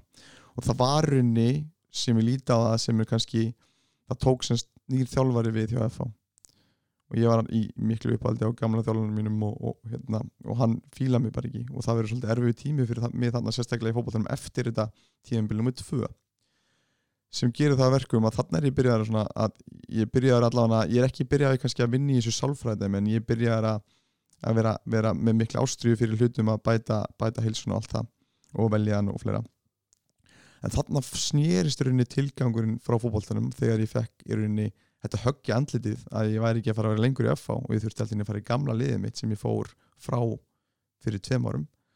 Þannig þetta moment þannig setna árið mitt í rauninni og, og sérstaklega þetta moment þannig fór í rauninni smá tilgangurinn minn úr fókbóltanum þessi gífulega ástriða sem ég hafiði og þannig yfirfærust hún á sálfræðinu er rauninni lokuðust eina dýr uh, og í rauninni aðrar opnust fyrir mér í rauninni ennþá betur. Og þó svo að ég hefði viljað gera eins og hluti öðru í þessum tíma þá er ég rosalega ánægð með það ákvörun að, að ég hefði ekki gert hlutin öðru sér á þeim tíma. E, því að það er einhver bolti sem óks og þá fór þessi rosalega tilgangur í, í sálfræðina og, og, og, og tóku við að fókbólta tilgangunum sem gerði það gott fyrir mig fyrir námið og fleira og þá byrja ég í þessu nýja námið sem ég er að klára núna. En það gerði svolítið slæmt í fókbóltanum því að þarna þurfti ég svona endur, endur skilgreina og endur finna minn tilgang í fókbóltanum þannig að 2018 var mjög erfitt fyrir mig fókbóltilega séð mm. en ég var kannski að uppgöða einhverja blómstrun í, í, í sálfræðinni Já. og þar var ég að finna einhverja köllun þannig að út frá því að vera alltaf ég, ég, ég í fókbóltanum bara ég ætlar aðeins maður að þá þurfti ég átt að að því, heyrðu, hvað get ég sko, fókbólti er skemmtilegur og ég vil vera áfram í fókbólta en þá þurfti ég að fara að hugsa þess heyrðu, nú þarf ég aðeins að hugsa sko, nú er ég bara að vera liðsmaður nú þarf ég bara að vera liðtöi, nú ætla ég bara að vaksa sem liðtöi, nú ætla ég að hjálpa eins mikið ég get bara liðunum, bara fjölni, bara klubnum að vera betri, bara strákunum í kringum nú er bara fókusin þar. Þannig að fókusin er minna á sjálfa mig en meira á að, að gera gott lið, að gera góða engsleiki kringum, þannig að ég þurfti að finna annan í rauninni átta með öðrum tilgangi í fókbaltanum en þannig að spýtist tilgangurinn minn og ástriðan og öll þessi fylgir í sálfræðina. Og það má segja að öll þessi vinna sem ég hafi alltaf, veist, ég er mjög ég er með duglur, ég er með góða sjálfstjórn ég, ég, ég er erna, ég er lagt rosalega mikið á mig ennum tíðina, sérstaklega í tengslu við fókbaltan og svo vinna og svo ástriða, eins og ég segi, ég er búin að segja núna tjósa, tjósa, hún færðist yfir í sálfræðana, þannig ég fór að gera allt sem tengdist henni og að, að, að bæta mig þar og það myndaðist einhvers konar sín hvað ég vildi gera þar og þar einhvern veginn verið það unnið, unnið upp á sig þannig að núna, þú veist, elskar maður bara að vera til dæmis að setjast nýður á kaffús með kaffibóla að lesa og skrifa er bara það best skemmtilegt sem ég gerir sko. mm. því þar er ég gössanlega að sinna öllu því sem er grunnurinn af því sem ég gerir Já. hjálpa einstaklega með fyrirlistum, námskeiðum einstaklega uh, og, og, og, og að efla sjálf mig í leðinni runni en þannig er það hrikalega góð spurning hjá það sko. því að þannig er runni er ákveðið svona annað aha augnabliki í mínu lífi Já. þannig að fer fókusum frá því að vera ég yfir ég að vera atvinnumæður semst, ég atvinnumæður í, í rauninni lífið skiptir miklu meira máli þetta er fókbalti og hvernig get ég hjálpað öðrum í rauninni að, að, að efla sig og sérstaklega á hvað var það rauninni sálfræði og veljan sko, hvernig sem ég færa því sko. þannig að það fór í smá svona víðari fókus á lífi í rauninni þannig að þarna opnaðist ákveðin ákveðin augu fyrir mér sem ég hafði ekki hafði haft lokuð fram að þessu því að fókbaltinn hafði bara eina var eina sem skipti mig máli. Og þá farið þessi, eins og segja, allir þessi dugnaður öll þessi vinnu sem ég, öll þessi ástriða allt sem, allt sem allar þessar fórnir í rauninni sem, ekki, sem ég tel ekki fórnir í dag. En það bara snýst allt um það núna bara hvernig ég get afla mér meiri þekkingu og hvernig ég get farið í gegnum fleiri hluti eins og með reynsluna og fleira til að geta hjálpað öðrum En e, þetta hefur ekki, þetta er, þú ert nú smá keppnis líka. Já, já, þú veist, ég, ég, Tapar örglega ekki í, sko, Olsen Olsen við kæristuna. nei, nei, nei, það, það er ennþá, sko. En ég var alveg, ég var alveg, alveg mjög fúllið tapa og svona, ger, og allt sem ég geri, það ger ég bara til þess að 100%, sko. Já, já, já, En, en, en er þegar þú, sko, í dag, ok, því við þurfum að fara að tala svo um þess að vélíðan og allt þetta sem ert að, pre, það sem þú ert að predika, Mhm. þú veist, svolítið svona, eins og prestur, mm, en, en, en hérna sko þegar þú hittir sko liðsfélagana og, og sko á þessum tíma þá hefur þú náttúrulega þurft að segja við sjálfa þig þú veist, þú hef, þetta er náttúrulega hefur verið hrikalegt val mm af því að eins og þú segir að þú ferð yfir í stóran í stórt fótboltalið sem heitir FH sem Mm. var náttúrulega bara mikið og öflugt félag á þessum tíma maður Mm. veit náttúrulega ekkert hvað verður í dag mm, að, að sko svo gæti maður, þú veist, vastu ykkur í ykkur svona fórnarlams hugsun sko, að varst að fara heim í félagið með skottið og milli lappana eða sko, að því að það er náttúrulega þetta að, að brotna, sko, þú getur það eru tvær leiðir náttúrulega, annarkvort brotnaru eða eflist og þú Mm. náttúrulega kannski einhver staðar er eitthvað svona survivor instinct í þér að þú, þú eflist mm, sko, varstu á einhverju tímapunkti í brothættur sko, skilur hvað ég vera að, það, það, það er alltaf þetta val. Mm, sko, þú hefði geta bara farið undir sæng og verið bara, "Ö, ég er, alveg, ég er ekki atvinnum aður lengur. Og þú veist, verið ykkur svona volaði mm, en þú velur bara, ok ég, nú, nú eins og þú sagðir þú veist, þessar hurð, bara, þessi hurð lokaðist mm, þessi hurð opnast, já, heyrðu, ég ætla að nota þetta. Mm, skilur hvað, þetta er svolítið svona að maður einhvern veginn þú lappar á vegg og þá bara, ok, nú þarf það að velja. Mm, sko, varstu eitthvað staðar í hætt eða þú veist, fóstu í eitthvað þunglindi í þrjárvíkur eða var þetta í korter eða þú veist, þú veist manstu þegar að þetta gerist að, að, að þú kynnist þarna nýjum þjálfara og þið, þú bara svona finnur, maður finnur náttúrulega en leið sko hvort Mhm. maður á samleiðið ekki. Mm, og svo bara, úss, svo bara þetta er búið, þú veist, fóstu í eitthvað svona deburð mm, eða, eða hefur aldrei svona, það hefur kannski aldrei verið ekki, nei, ég myndi ekki segja auðvitað fór maður eitthvað niður en, en, en, en, aldrei eitthvað svona alvarlega þannig að Nei. um, ég, þetta var náttúrulega erfið tíma sérstaklega hann í lokin síðustu mánuðir í FH, það var einhverju svona, svona mínir vestu upplifun á fótbolta, fótboltaföllinum allavega. Uh, þessi ákvörun að fara yfir náttúrulega var svona hún var erfið, að eins og segir að kyngjast í rauninni stoltinu og fara Já, aftur já. yfir og hún er erfið, en það sem einhvern veginn það sem ég hef svona lítið baka er að það að þú veist þú, þú upplifir eitthvað, þú finnur eitthvað einhverja breytingu, þú veist, þú ert að gera ákveðan hluti finnur alveg hvort þú sérst að gera þá uh, sérst, hvort þetta sért þú í rauninni ennþá, skilur Já, þannig að þú ert í rauninni og mér finnst þetta var ógæslega því að við breytumst, þú veist, með Já, tímanum já. Og fólk er hrætt við breytingar veist, frá, veist, og- og, og bæði fólki í kringum hann er mjög hrætt við breytingar já, og maður sjálfur er hrætt við breytingar. Já, og þess vegna að þarna rauninni er ég svo ánægð með að tók mér þetta smá tíma að fatta, skilur fatta hvernig ég var að breytast en að standa með því, veist, það hefur verið auðvelt fyrir mig bara að halda áfram og ætlar að aðtunum að, að, að bara fókusera fótboltan, skilur einhvern veginn. Já, að vera bara varamannum bekknum og fengi, fá bara Ég- peningana og vera bara skýt sama Já, og en, en, en einhvern veginn einhvern veginn þetta að, að treysta sínu innsæði, að treysta í hver maður er og, og, og hvað maður fær tilfinningu, til, það er einhver tilfinning sem svona, eins og ég segi, þú ert að gera einhverjum hluti og þú veist að þú átt ekki verið að gera á. Að þú veist að, þú finnur að þú færð ekkert úr þeim nógu mikið lengur. Já, þannig að leifa sér, og það sem ég hef, hef gert alltaf og það sem ég finnst ógeðslega mikið það er að leifa sér að breytast og verða sá einslingu sem maður vill verða, þannig að þarna var ég farin að fá einhvers konar vísbendingar. Já. Og að vera ekki hrættur við það Já, eða, veist, það er alltaf að vera hrættu við það en ekki láta það stoppa nei, nei, hræðslan að- alltaf getur líka blokkar að sko Al- framför algjörlega, en maður, ég, ég tel að maður þau eru alltaf sko maður verður alltaf hrættur sko. ég tel að maður verður bara hugrakkur í hræðslinu sko. maður bara mætar hræðslinu sko.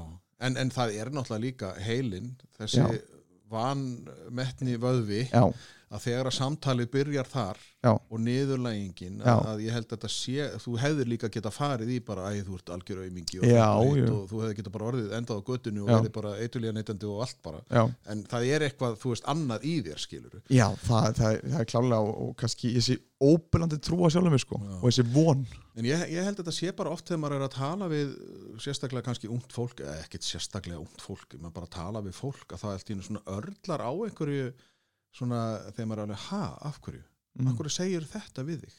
mm. Af hverju ertu að, alveg svo ég er búin að tala við einhverja hérna einstaklega, já, ég var svona lúði, ég var að læra á píano Mm. og þá var ég alveg bara, býtu, af hverju ertu lúði þegar þú læra á píano? Mhm. Ekki get ég, ég lærði á píano, ég sá mig aldrei sem píano, eða þú veist, Mm.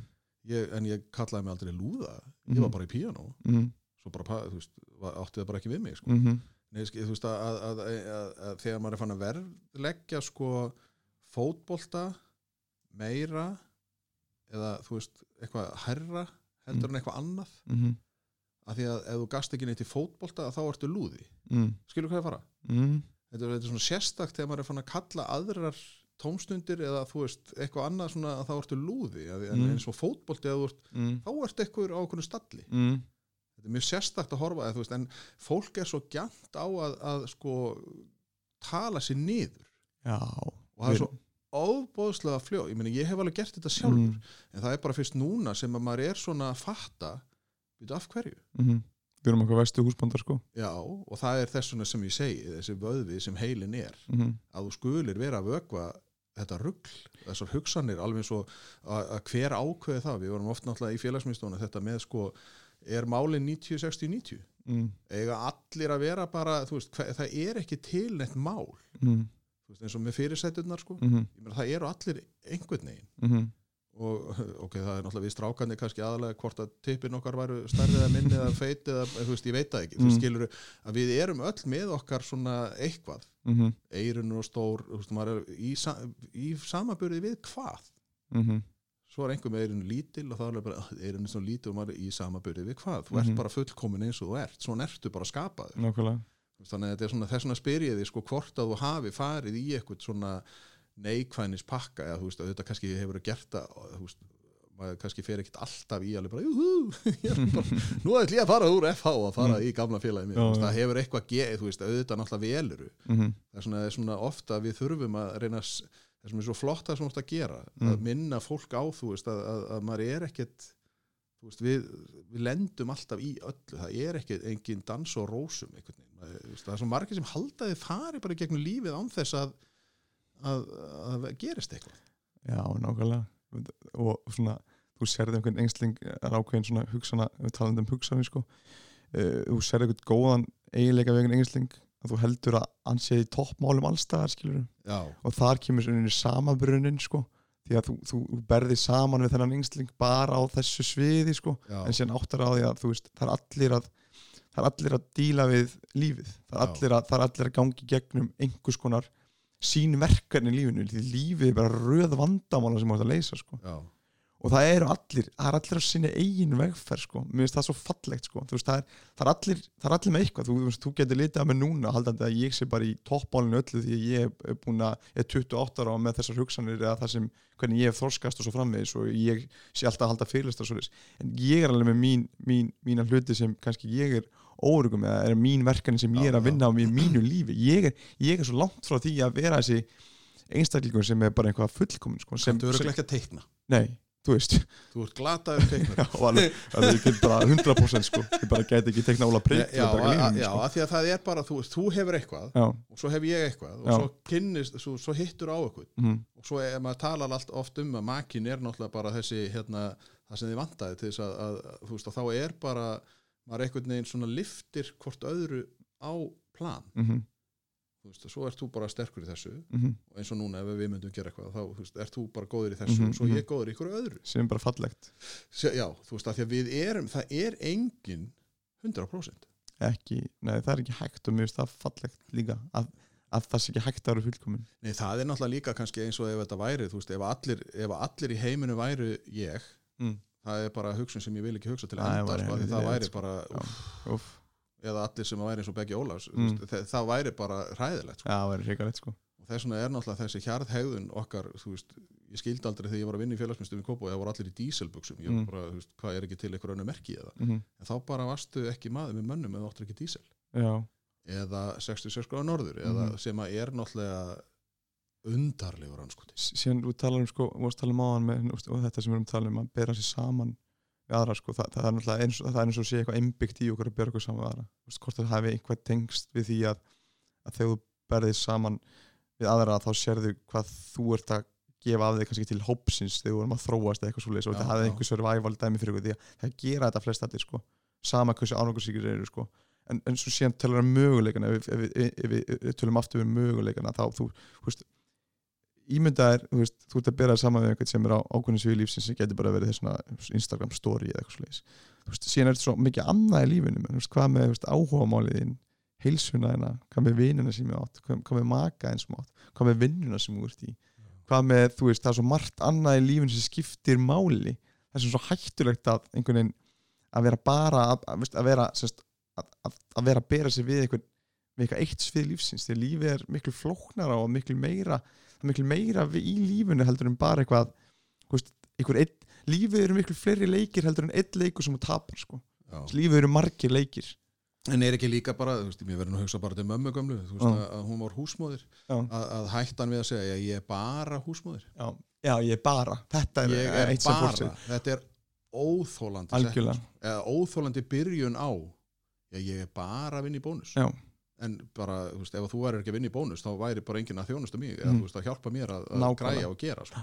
veist, þetta er svona sínin, sko. algjörlega og þe- þetta er annan líka sem við tala um áðan sko, með, með, með tungumáli sem var eins og ég píanum Já, þetta er svolítið hætturlega líka sko. já, að tungumáli eins og, eins og maður spyr, spyr oft þegar maður sko, fer í rektina og taka því já bara aðeins já þú veist fólk er líka alltaf já ég er að reyna að gera þetta já. ég er að reyna að fara að gera þetta sko, ég, ég er að fara að gera þetta veist, að hvað maður segir við sjálfa sér skiptir það skiptir meira mál heldur maður gerir sér grein fyrir sko. já, þegar þú ert lúðin á píanónu þá kannski fara að segja á sjálfa þér sem lúðin á píanónu staðan fyrir að segja ég er snillingur sem fer á píanó og svo framvegis og, og þannig að, veist, að þetta skiptir líka maður þarf að að valega hvernig maður talar við sjálfa sér sko.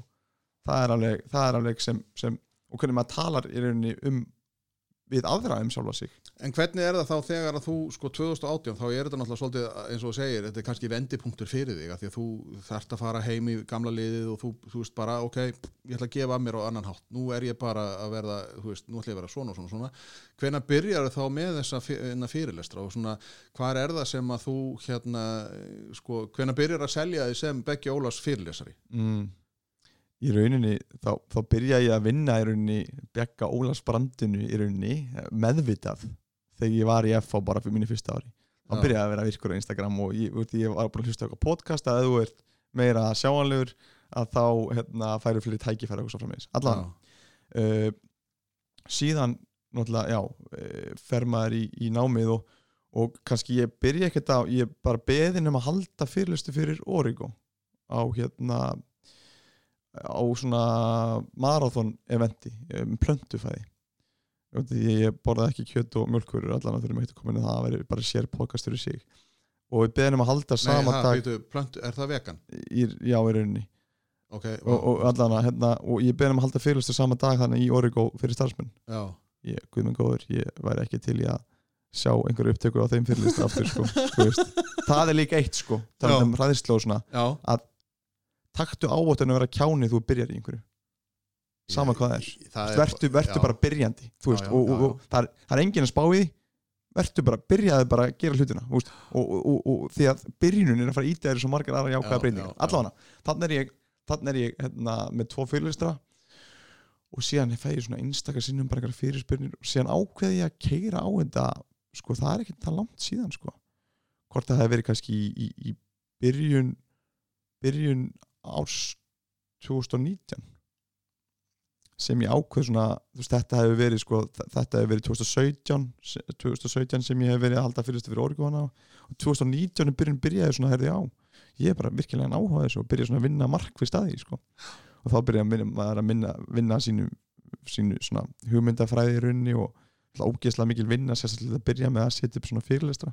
Og þarna held maður líka heyrðu, það er geðvitt að koma með bara geggjaðan fyrirlestur, þá getur maður bara alltaf verið með sama fyrirlesturinn og það verður bara rosa öðvöld, maður verður bara eins og Jón Jónsson svo ekki dóra og mætur og tekur gík og síðan er það bara eitthvað mest, mest blekking sem ég upplega líka sko, maður er alltaf að gera eitthvað ný, nýja fyrirlestur og svona. þar byrjar sú vegferðurinni og þar hefur núna bara verið því líku snjóbalti fyrsta lagi snjóbalti upp á það hvað ég hef bætt mig óheirilega mikið í þessu.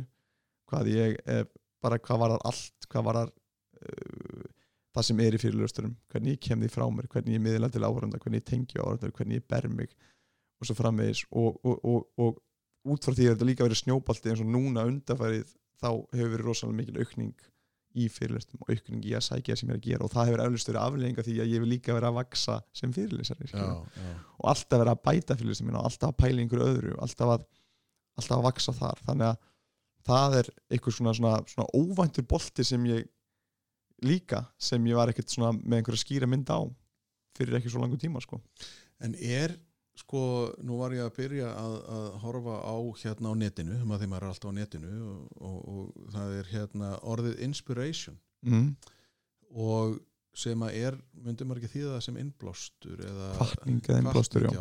Að, að, og við, eftir að við vorum búin að hlusta á ég og konan sko svona, þetta ákvæmum part að þá þurfti ég bara að setja á pás og svona erum við Íslendinga góð í því að þetta er náttúrulega amirist mm og þeir eru náttúrulega á, inspiration Mm. það er alltaf einhvern veginn og svo eru þau með gól og veist, er, þau eru með markmið og veist, maður er alltaf alveg bara af því að við Íslendingar við fórum að ræða þetta svolítið að við erum svolítið bara svona við veitum ekkert hvað gerist á morgun sko. Mhm. þú veist, og við erum einhvern veginn lifum alltaf bara, já, og þetta reddast og við Mhm. lifum bara að fara í daginn í dag og eitthvað svona að er sko þessi inspiration, ég veit ekki alveg hvort þessi kvartning, þetta er meira svona að, að sko eins og þú, þetta er svona röð atvika Mhm. sem gerir það verkum að þú þú veist, þetta er ekki, ég efast um að þetta sé tilviljun að þú ert þessi Beggi Óla sem ég er að tala við í dag Mm. að því að eins og þú segir, lífið þitt hefði getað farið í allt aðra átt ef þú Mm. hefðir ekki þú veist, ef þú hefði bara verið í FH og verið bara, þú veist, á bekknum Mm. þá værir þú ekkert að gera, þú veist, skilur Mhm. að þetta er svona, þetta er svona röð atvika Mhm. sem gera það verkum að þú uppgötar, heyrðu, já ég kannski var alltaf á þessari vekkferð Mhm. ég bara gerði mér ekki grein fyrir því Mhm. að það er eitthvað svona innblástur í, þú veist, oft er það að þú veist að þú tekur eitthvað bilað ákvörðun Mhm. eins og ég tók bilað ákvörðun um að segja upp innunum í februar og að, svo bara Okkur í fjandanum er ekki og, og svo kortir er setna bara, veist, uh, eitthvað veira skilur en ég er svo samt ég stend svo með því, mm Mhm. því ég bara ég finn bara, ég er, nei, er, ég er bara góður, Mhm. ég er bara með ég er bara með ákveðna, svo er ég búin að tala við kitta keðju, Mhm. þannig að ég er bara veist, og það er raunverulegu maður Mhm. þannig að fólk þarf nú ekki að fara ákjörð því en nei, skilur að, að þetta er einhvern veginn svona þannig er bara atvik og ég einhvern veginn svona, og fólk bara, og hvað, ertu með eitthvað í hendi? Uh, nei Mhm. og svo byrja, jú, þú hlýtur að vera með eitthvað þá bara sagði ég bara, já, ég var að tala við Kitta Keðju Mm. og ég var ekki eins búin að tala við hann sko. svo Mm. bara talaði ég við hann og hann alveg, já, blessað og þetta að fara í vinnu, eða þú veist, þú getur alltaf verið með mér skilur Mm. en, en þú veist að þetta er svona atvik skilur Mhm. að það er, er lífið heldur að lífið sé þannig stýrt að þetta er, hefur eitthvað með að gera Úff. uh, var þetta ekki djúft? Jú, rosalega djúft sko. Hefur eitthvað með það að gera Nei, skilja, skilja, þú veist að þetta er einhvern veginn allt það sem þú ert búin að segja mm. að manni finnst þetta að vera svo já, þú veist, þetta er skákin þú veist, Mm. þetta er bara svona hvernig þú vöðlast í gegn þú veist, Mm. Það er rosalega ef þú hefur tekið þessa hægri bið en ekki Mm. þessa, þú veist, Það hvað er þá svo fá litlar ákvarðanir sem geta haft svo mikil áhrif á, á lífið sko. Ég held að sé þú veist líka Já, þetta er einhvern veginn þetta er furðulegt lífið sko. Þetta er alveg snar, snar bilaðurinn sko. bara hvað einhver ein þú veist, það er einhver sko alveg skrítið að hugsa þetta á hvað einhver svona ein, já, ákvörðin getur og breytt ma- ma- allir stefnu já. sko og hvort maður, hvort maður ráði sko. Ég, ég held sko að vísu að þú, þú, þú ræður í rauninni ekki ég held þú ráður ég held að eitthvað, eitthvað í umhverfinu er eitthvað sem gerist, einhverjar vísbendingar sem ráða í rauninni yfir hverju þú hefur áhuga á hvað ákvarðan þú tekur ég held að þú getur ekki þú, þú, getur ekki þú getur ekki ákveðið bara ég ætla að áhuga þessu þú veist, ég ætla bara núna, ég nú ætla ég bara að gera þetta og ég ætla bara að áhuga þessu, þetta er eins og þú ert að lesa leila bók þú ert bara svona, fokk, ég nenni ekki að já, nákvæmlega. Þú en, veist, akkur hefur ekki áhuga þessu? Já, en síðan er eitthvað í lífinu, Já, já. eit- eitthvað í umhverfinu sem í rauninni, þú heldur þú hafi val um það að þú sért að stjórna því að velja þetta á ákveðinu umhverfinu. Í rauninni er það að velja þig sko. Í rauninni er það sem hefur áhrif á og stjórnar valinu þínu það er eitthvað sem kallar á þig. En hvenær er það líka hræðslan? Af því að ég, eins og ég sagði við áðan ég Mm. hefði getað sagt upp 2016 Já. Nei, ég því. ekki að getað sagt það, 2016 að ég það. getað sagt upp 2017 Já. skilur en þá var ég hrættur og? Djúpt. Nei, já, þú, mátt klára. Því ég, þetta er bara, því ég, eins og ég sagði við þig, þú veist, ég hefði getað hætt 2017 Já. ég hefði getað hætt 2018 ég hefði getað, þú veist, út af því að þú varst rættu við breytingar til að þægilega sem þú varst að gera því að fólki er illaði breytingar fólk, og þegar ákveðin óvissaði breytingar þú veist ekki hvernig hlutin er að fara og við þólum það ekki og það er miklu þægilega fyrir að halda áfram í sama starfi í staðan fyrir að breyta þér þó vissar að þú vilt, vildir breyta til. Og það er, það er líka eitt punktur skilur að, og, og síðan, just, þú, eins og tala um aðan við erum að tala um breytingar skilur þú finnur einhverja breytingar, þú ert ekki, þú líður ekki vel í lífinu og, svo, og það, að, í vinnunni og þú færð ákveð öryggi og færð ákveð penilegt öryggi og svona frammeins og er bara með vinnu. Pældi ég að þú veist, þið líður svona núna og þú rauninni frestar þeim sannleika við sjálfa því hann er ógeðslega óþægilegur í rauninni, það er óþægilegt að líta á sjálfa sem maður sé að breytast eitthvað sliðis að það er miklu erfiðara að, að, að, að, að verja einhverju í breytingar eða breytast eða þú er að taka, eins og þú segir taka þér henni bara eitt ævintýra stökk og hætti vinnunni skilur og fara á eins út í, í óvissuna. En pælti því hvað margir eru í þessari vinnu sem þeir er kannski líður ekki vel í og eða líður ekki vel í vinnunni núna ímyndaði hvernig það verður eftir fimm ár sko. þá er það að líða helmingi verð, þú þarf að líða alveg eins eða verð með helmingi fleiri vandamál þannig að mér finnst þetta líka spurningum að segja sannleikan við sjálfa sig sko.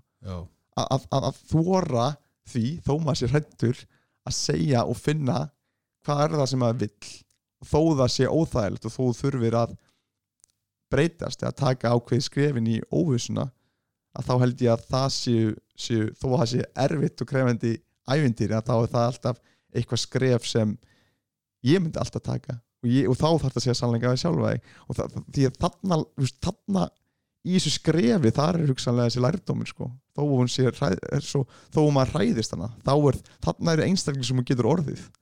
Þarna er allt sem, sem mögulega allt sem getur þú getur orðið í lífunu eða það sem þú getur gert í lífunu það er í óvissinu, það er í lærdómnum sko. Já. og við erum hrætt við það því að við veitum ekki hvað nákvæmlega kannski það er En er, en er ekki líka, mér varst hún líka hérna og, og, og þegar ég skilaði svo inn uppsagnabrifinu þá sagði, og svo kom ég heim og konan, já hvernig hefur það og ég sagði svona, mér leið eins og sko að, að því ég var búin að hugsa þetta og ég beigð alltaf eftir einhverju mm þú veist að, að akkur opnast ekki einhver annar gluggi sko, -hmm. en svo því ég var búin að skila brefinu að þá var ég já, ok, þessi hurði er að lokast Mhm. og nú veit ég að það mun einhver önnur -hmm. opnast -hmm. skilu, þetta, var, mér, þannig leið mér, mér Mhm. ég var bara einhvern veginn svona þetta er rosalega sérstætt -hmm. en kannski að því að ég var búin að býða eftir einhverju þú veist, ég held ég myndi vinna, veist, þetta er eins og já, þegar ég vinni í lotto Mhm. nákvæmlega, þá verð ég ánæður sko, já, en það bara gerist ekki neitt, veist, það er einhvern veginn, maður þurfti bara svona að bara saksa á, eins og Mhm. þú segir hætt að ljúga sjálf með þér, af Mhm. því að, að maður er einhvern veginn og að, að maður þurfi bara að gera þetta, sko. Þannig að þetta er, þetta er fellega þú heilin, heilin aftur, þetta er bara fellega sérstætt fyrirbæri. -hmm. en, en þú, ert að, þú ert núna í jákværi sálfræði, sagður ég verð að klára hagnýta jákvæða sálfræði og þjálfunar sálfræði ok, ég ætla alveg hagnýt jákvæð sálfræði. Já, þetta er rosalega flókið hvernig er hún öðruvísi heldur en jákvæð sálfræði? Eh, svona meiri praktik út í lífið í rauninni kannski, kannski ekki bara research based, þetta er líka að vera að henda þær út í djúbulöguna og vinna með það sem þú ert að læra í rauninni og það er rosalega góður eiginleiki vinna á með sko. en er þetta ekki það sem að tekur hvað ár? Nei, þetta er, þetta er frá skóla í London Nei, já, þú fyrirgjöðu, þú sagði Já. það, já, já. og þetta, ef ég hefði verið á staðnum þetta er sagt fyrsta námið í heimi sem tekur þetta er jákvæðsálfræði, þjólunarsálfræði í rauninni overlappar smá hvort annað þannig að þeir eru með svipaða nálganir í rauninni hvernig gerur gott fólk betra og að það ekki bara, ekki bara hjálpa fólki í rauninni þegar orðið andlega vekt heldur líka að hjálpa fólki sem upplýðir ákveðin tómleika í lífinu eða bara svona la la að verða ennþá betri og hjálpa fólki að vera góðu fólki að vera betri sem það gerir basically Já. og hérna að koma í veg fyrir andlega erfiðleika þá í rauninni sko og það er rauninni, já, var, var það hvað var aftur, nú er ég bara verið að byrja Hagnýtt, Já. jákvætt, já, rauninni, jákvætt það, það, það Heitir þetta á ennsku þá Practical Já. Positive Psychology? Já, Practical Positive Psychology and Coaching Psychology. Þarna er þetta samtfinna þessar þessi sagt, fyrsta mastersnámi sem samtfinnar þessar nálganir inn í eitt mastersnám. Og já hef verið í því núna og hefði, hefði ég verið á staðnum þá hefði verið eitt hálft ár en ég tók þetta svona ég veit ekki, 70% kannski 60% Já, já, og er, er að klára núna á, á þreim árum. Já, og það er með þólumæður ennþá sko. Ég var ekkert að drífa mig svo sem ég en nei, nei, en svo er náttúrulega líka þetta með þetta ekki að, að sko fara á hnefunum.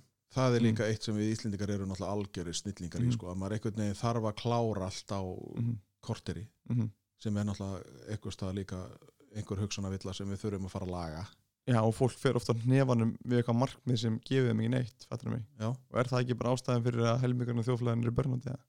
nákvæmlega Að og það er það sem að er sko svo líka þetta með að að, að börnátið eða að vera útbrunnin. Mm. Veist, þetta er náttúrulega líka, þú veist, það verður ekkert betra þóttu haldir áfram, ég held að partur af mínu, uh, þú veist, það var líka bara ég er án þreyttur, þú veist, og finn bara og svo bara hef ég eflst bara síðan ég tók þessu ákvörðin, alveg fáraleg við vorum um, fyndi hvað ég var að ræða þetta í morgun við frúna, þú veist, Mm. hvað maður svona vex mm -hmm. við að taka eitthvað ákvörðin, Mm -hmm.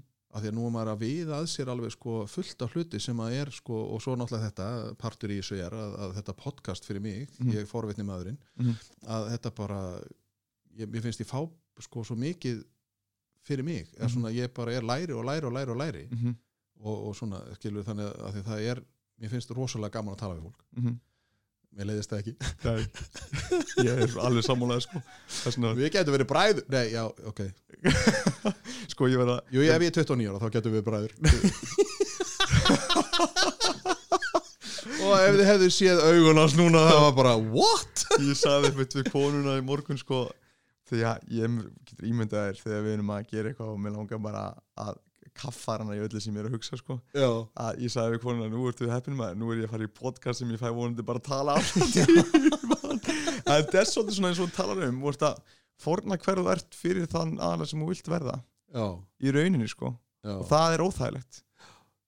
Eða Því- hvað, eða þú veist, ég veit það ekki. Það er óþægilegt fyrir fólk skilu, það er óþægilegt að það er, og það er miklu betri leið. Það er miklu betri, þú veist, í óþægindum vexu, í óþægindunum lærir eitthvað nýtt í óþægindunum eru í óþægindunum færistu frá gamla begga en nýja begga en að því að nú skrifa ég nú erum við búin að tala saman, veist, í einn og hálfan tíma. Ó, Ha, maður, já, bara- og fyrsta korterið bara, ef ég hef ekki stoppað á þá hefði væri við bara örglega á einhverju allt öðru þú, vegferð. þú er ekki búin að tala neitt sko. það er bara það bara andaðu svo ég geti komið spurningu. Að því að þú nefndir áðan hérna, mér finnst það svolítið skemmtilegt orð og það er þessi félagslega velíðan Já. sko, andleg velíðan er eitt. Mm -hmm. að, að sinna sjálfum sér uh, vera, þú veist, fara að hreyfa sig eða lappa, þú veist, að því að, að svo er það náttúrulega líka þetta sko, uh, indislega Ísland að, að í janúar þegar öll hérna, íþrótta, allir byrja með tilbúð og nú átt að gera þetta þegar þú Mhm. tónum svo feitur eftir jólin og svona Mhm. að þá kemur samviskubitið og svona að, að minna fólk á að andleg vel, velíðan er náttúrulega bara að farið út að lappa eða þú veist, gerði eitthvað sem að, sko, eigur þína velíðan sko, það er aftur heilin Mm -hmm. að þú verður að næra heilan Mm -hmm. sjónvarp nærir því ekki Mm -hmm. eða þú veist, það er svona fyrir eftir hvað þú ert að horfa á sko. -hmm. en þú nefndir nefnilega félagslega velíðan Mm -hmm. og eins og núna í þessum ótrúlegu heims aðstæðum sem að við erum í að og, fyrir, og við vorum báður að koma inn á það þegar við, við heilsumst með olbóanum og, og ég er svona sem alveg mikill knúsari og þú sagðir já ég líka veist, þannig, sko hvar, hvað sérðu fyrir, þú veist, hvað held, heldur þú að þessi að þeir nú ertu frekar jákvæður og þú svona horfi bjart fram á framtíðina þegar ekki, að, Mhm. að þessi félagslega velíðan eða sko okkur vantar þessa félagslegu veljan, þetta er rosalega sérstætt Mm -hmm. að, að, að við erum allt í hennu bara já, þú mátt bara hitta þennan Mm -hmm. sko, þú veist, hva, hvað við allt í einu það er nú oft sem að maður svona fyndi þegar maður lendir í, í hérna ramasleysi, Mhm. að þá allt í næst ekki með internetið Já. í guðuna bóðin, þú veist, hvað maður þá að gera bara, uh, Mhm. þarf ég að lesa bók Mhm. eða, þú veist, allt í einu gerist eitthvað Mm -hmm. og þessi félagslega velíðan Mm -hmm. núna sem við erum að uppgötva að er bara ofbóðslega stór partur af okkar lífi Mhm.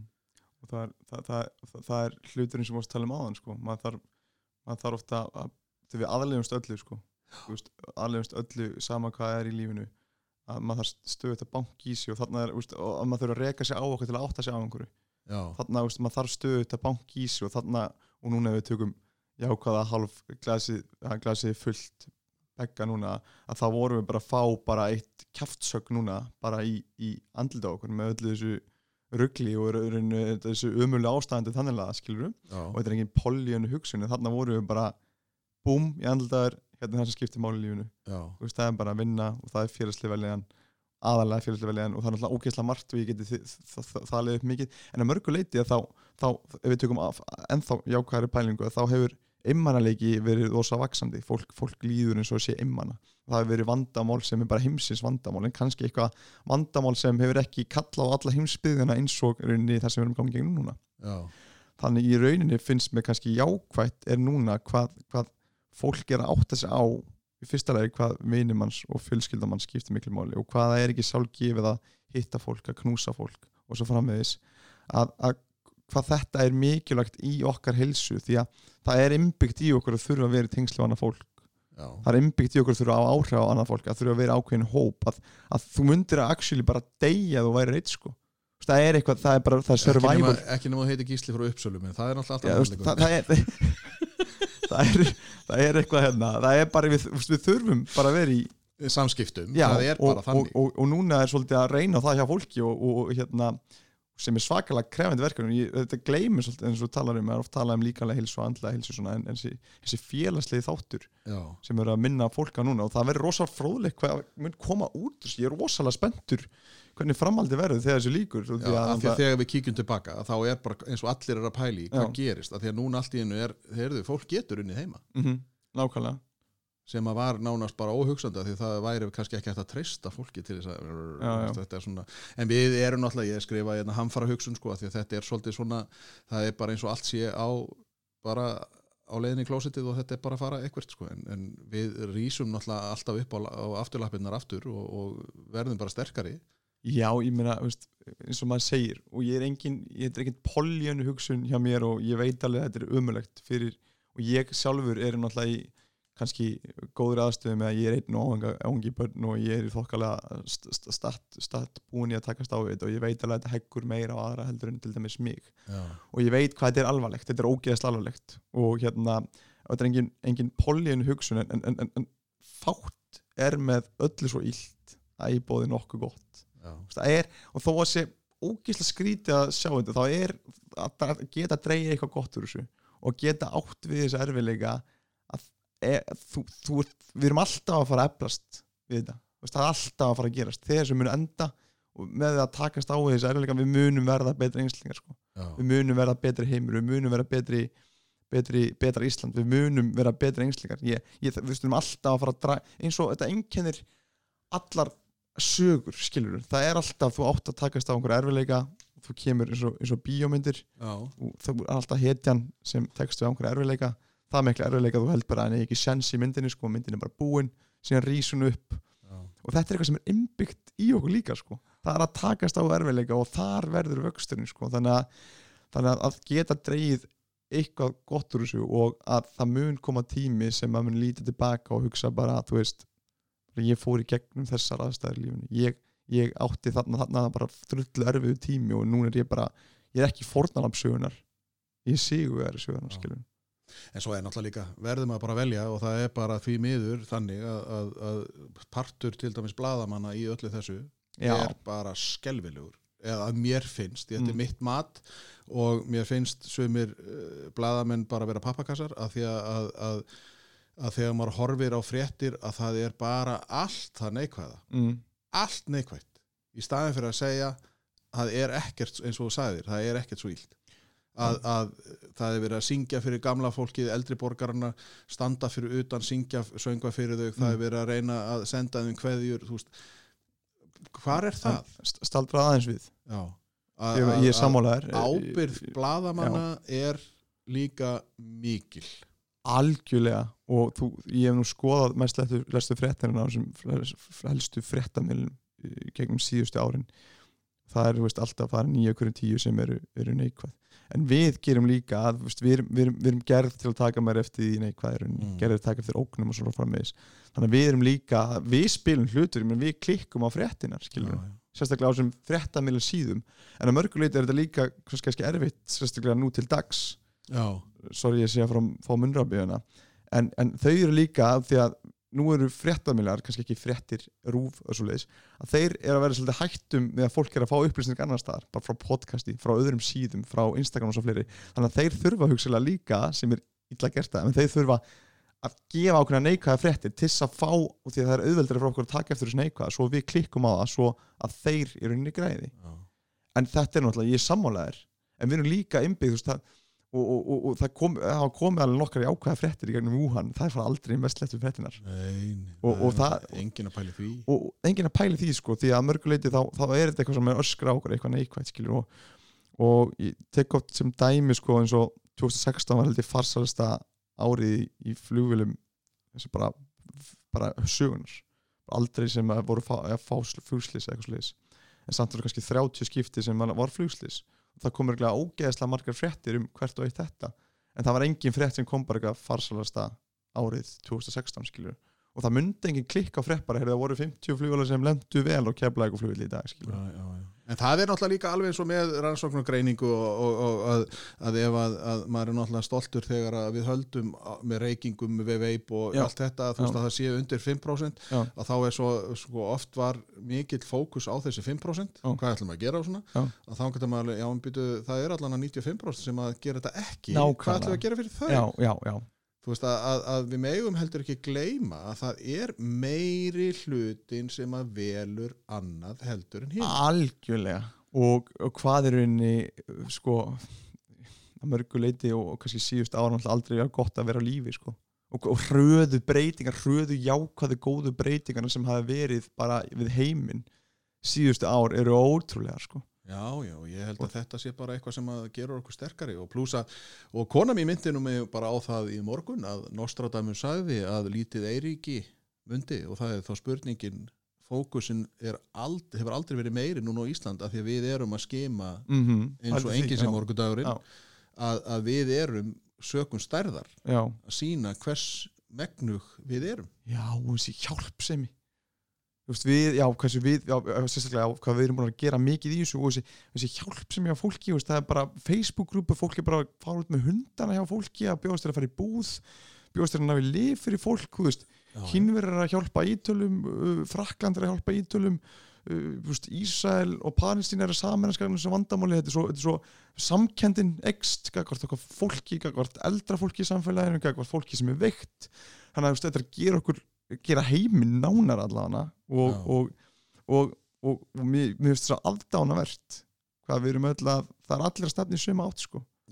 Og, og, og mér finnst það svo trillt við þetta sko og, það held ég að verði eitthvað sem við erum að taka, taka úr þessu sko. Það er samkendin og, og betri fókus og ég vona bara að við gleymum því ekki sko. Við aðlegumst því ekki að, að, að, að þurfa ekki að fá annað högg til að átt okkur á hvað skiptir máli í lífinu eða þurfa, þurfa veist, að taka hlutunum sem sjálfsögum hlut.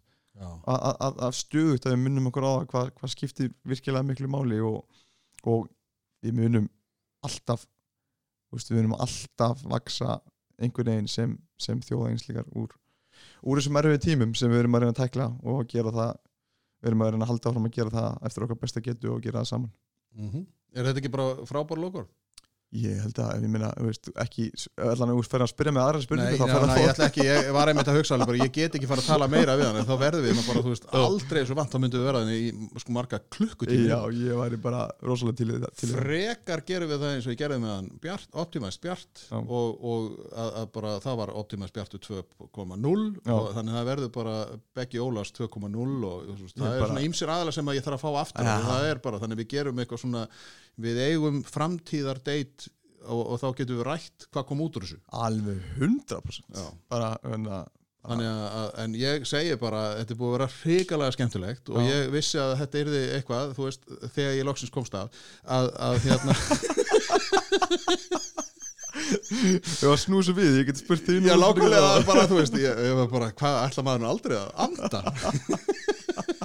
Þannig að bara takk kærlega fyrir að eyða þessu sunnudags eftirmyndið með mér og, og ég vona bara fólk hérna hlusti og fái almenna ánæði út af því að, að það er það sem að, að fólk við gerum, að það er bara, veist, mér finnst ég alltaf vaksa því hittu og ég er sérstaklega sérstaklega áhuga samar um ykkur ungu, unga fólki sem er að gera marga frábæra hluti af því að maður er bara, af því að tækifærin eru þannig þó svo að, að það sem getur valið er alltaf mikið því ég myndi fá bara kvíða kast. Þannig að kæra þakki fyrir að eigða tímanum með mér og, og gangiði vel í, í framhaldinu. Ótrúlega gaman að koma. Bara sömulegði skallin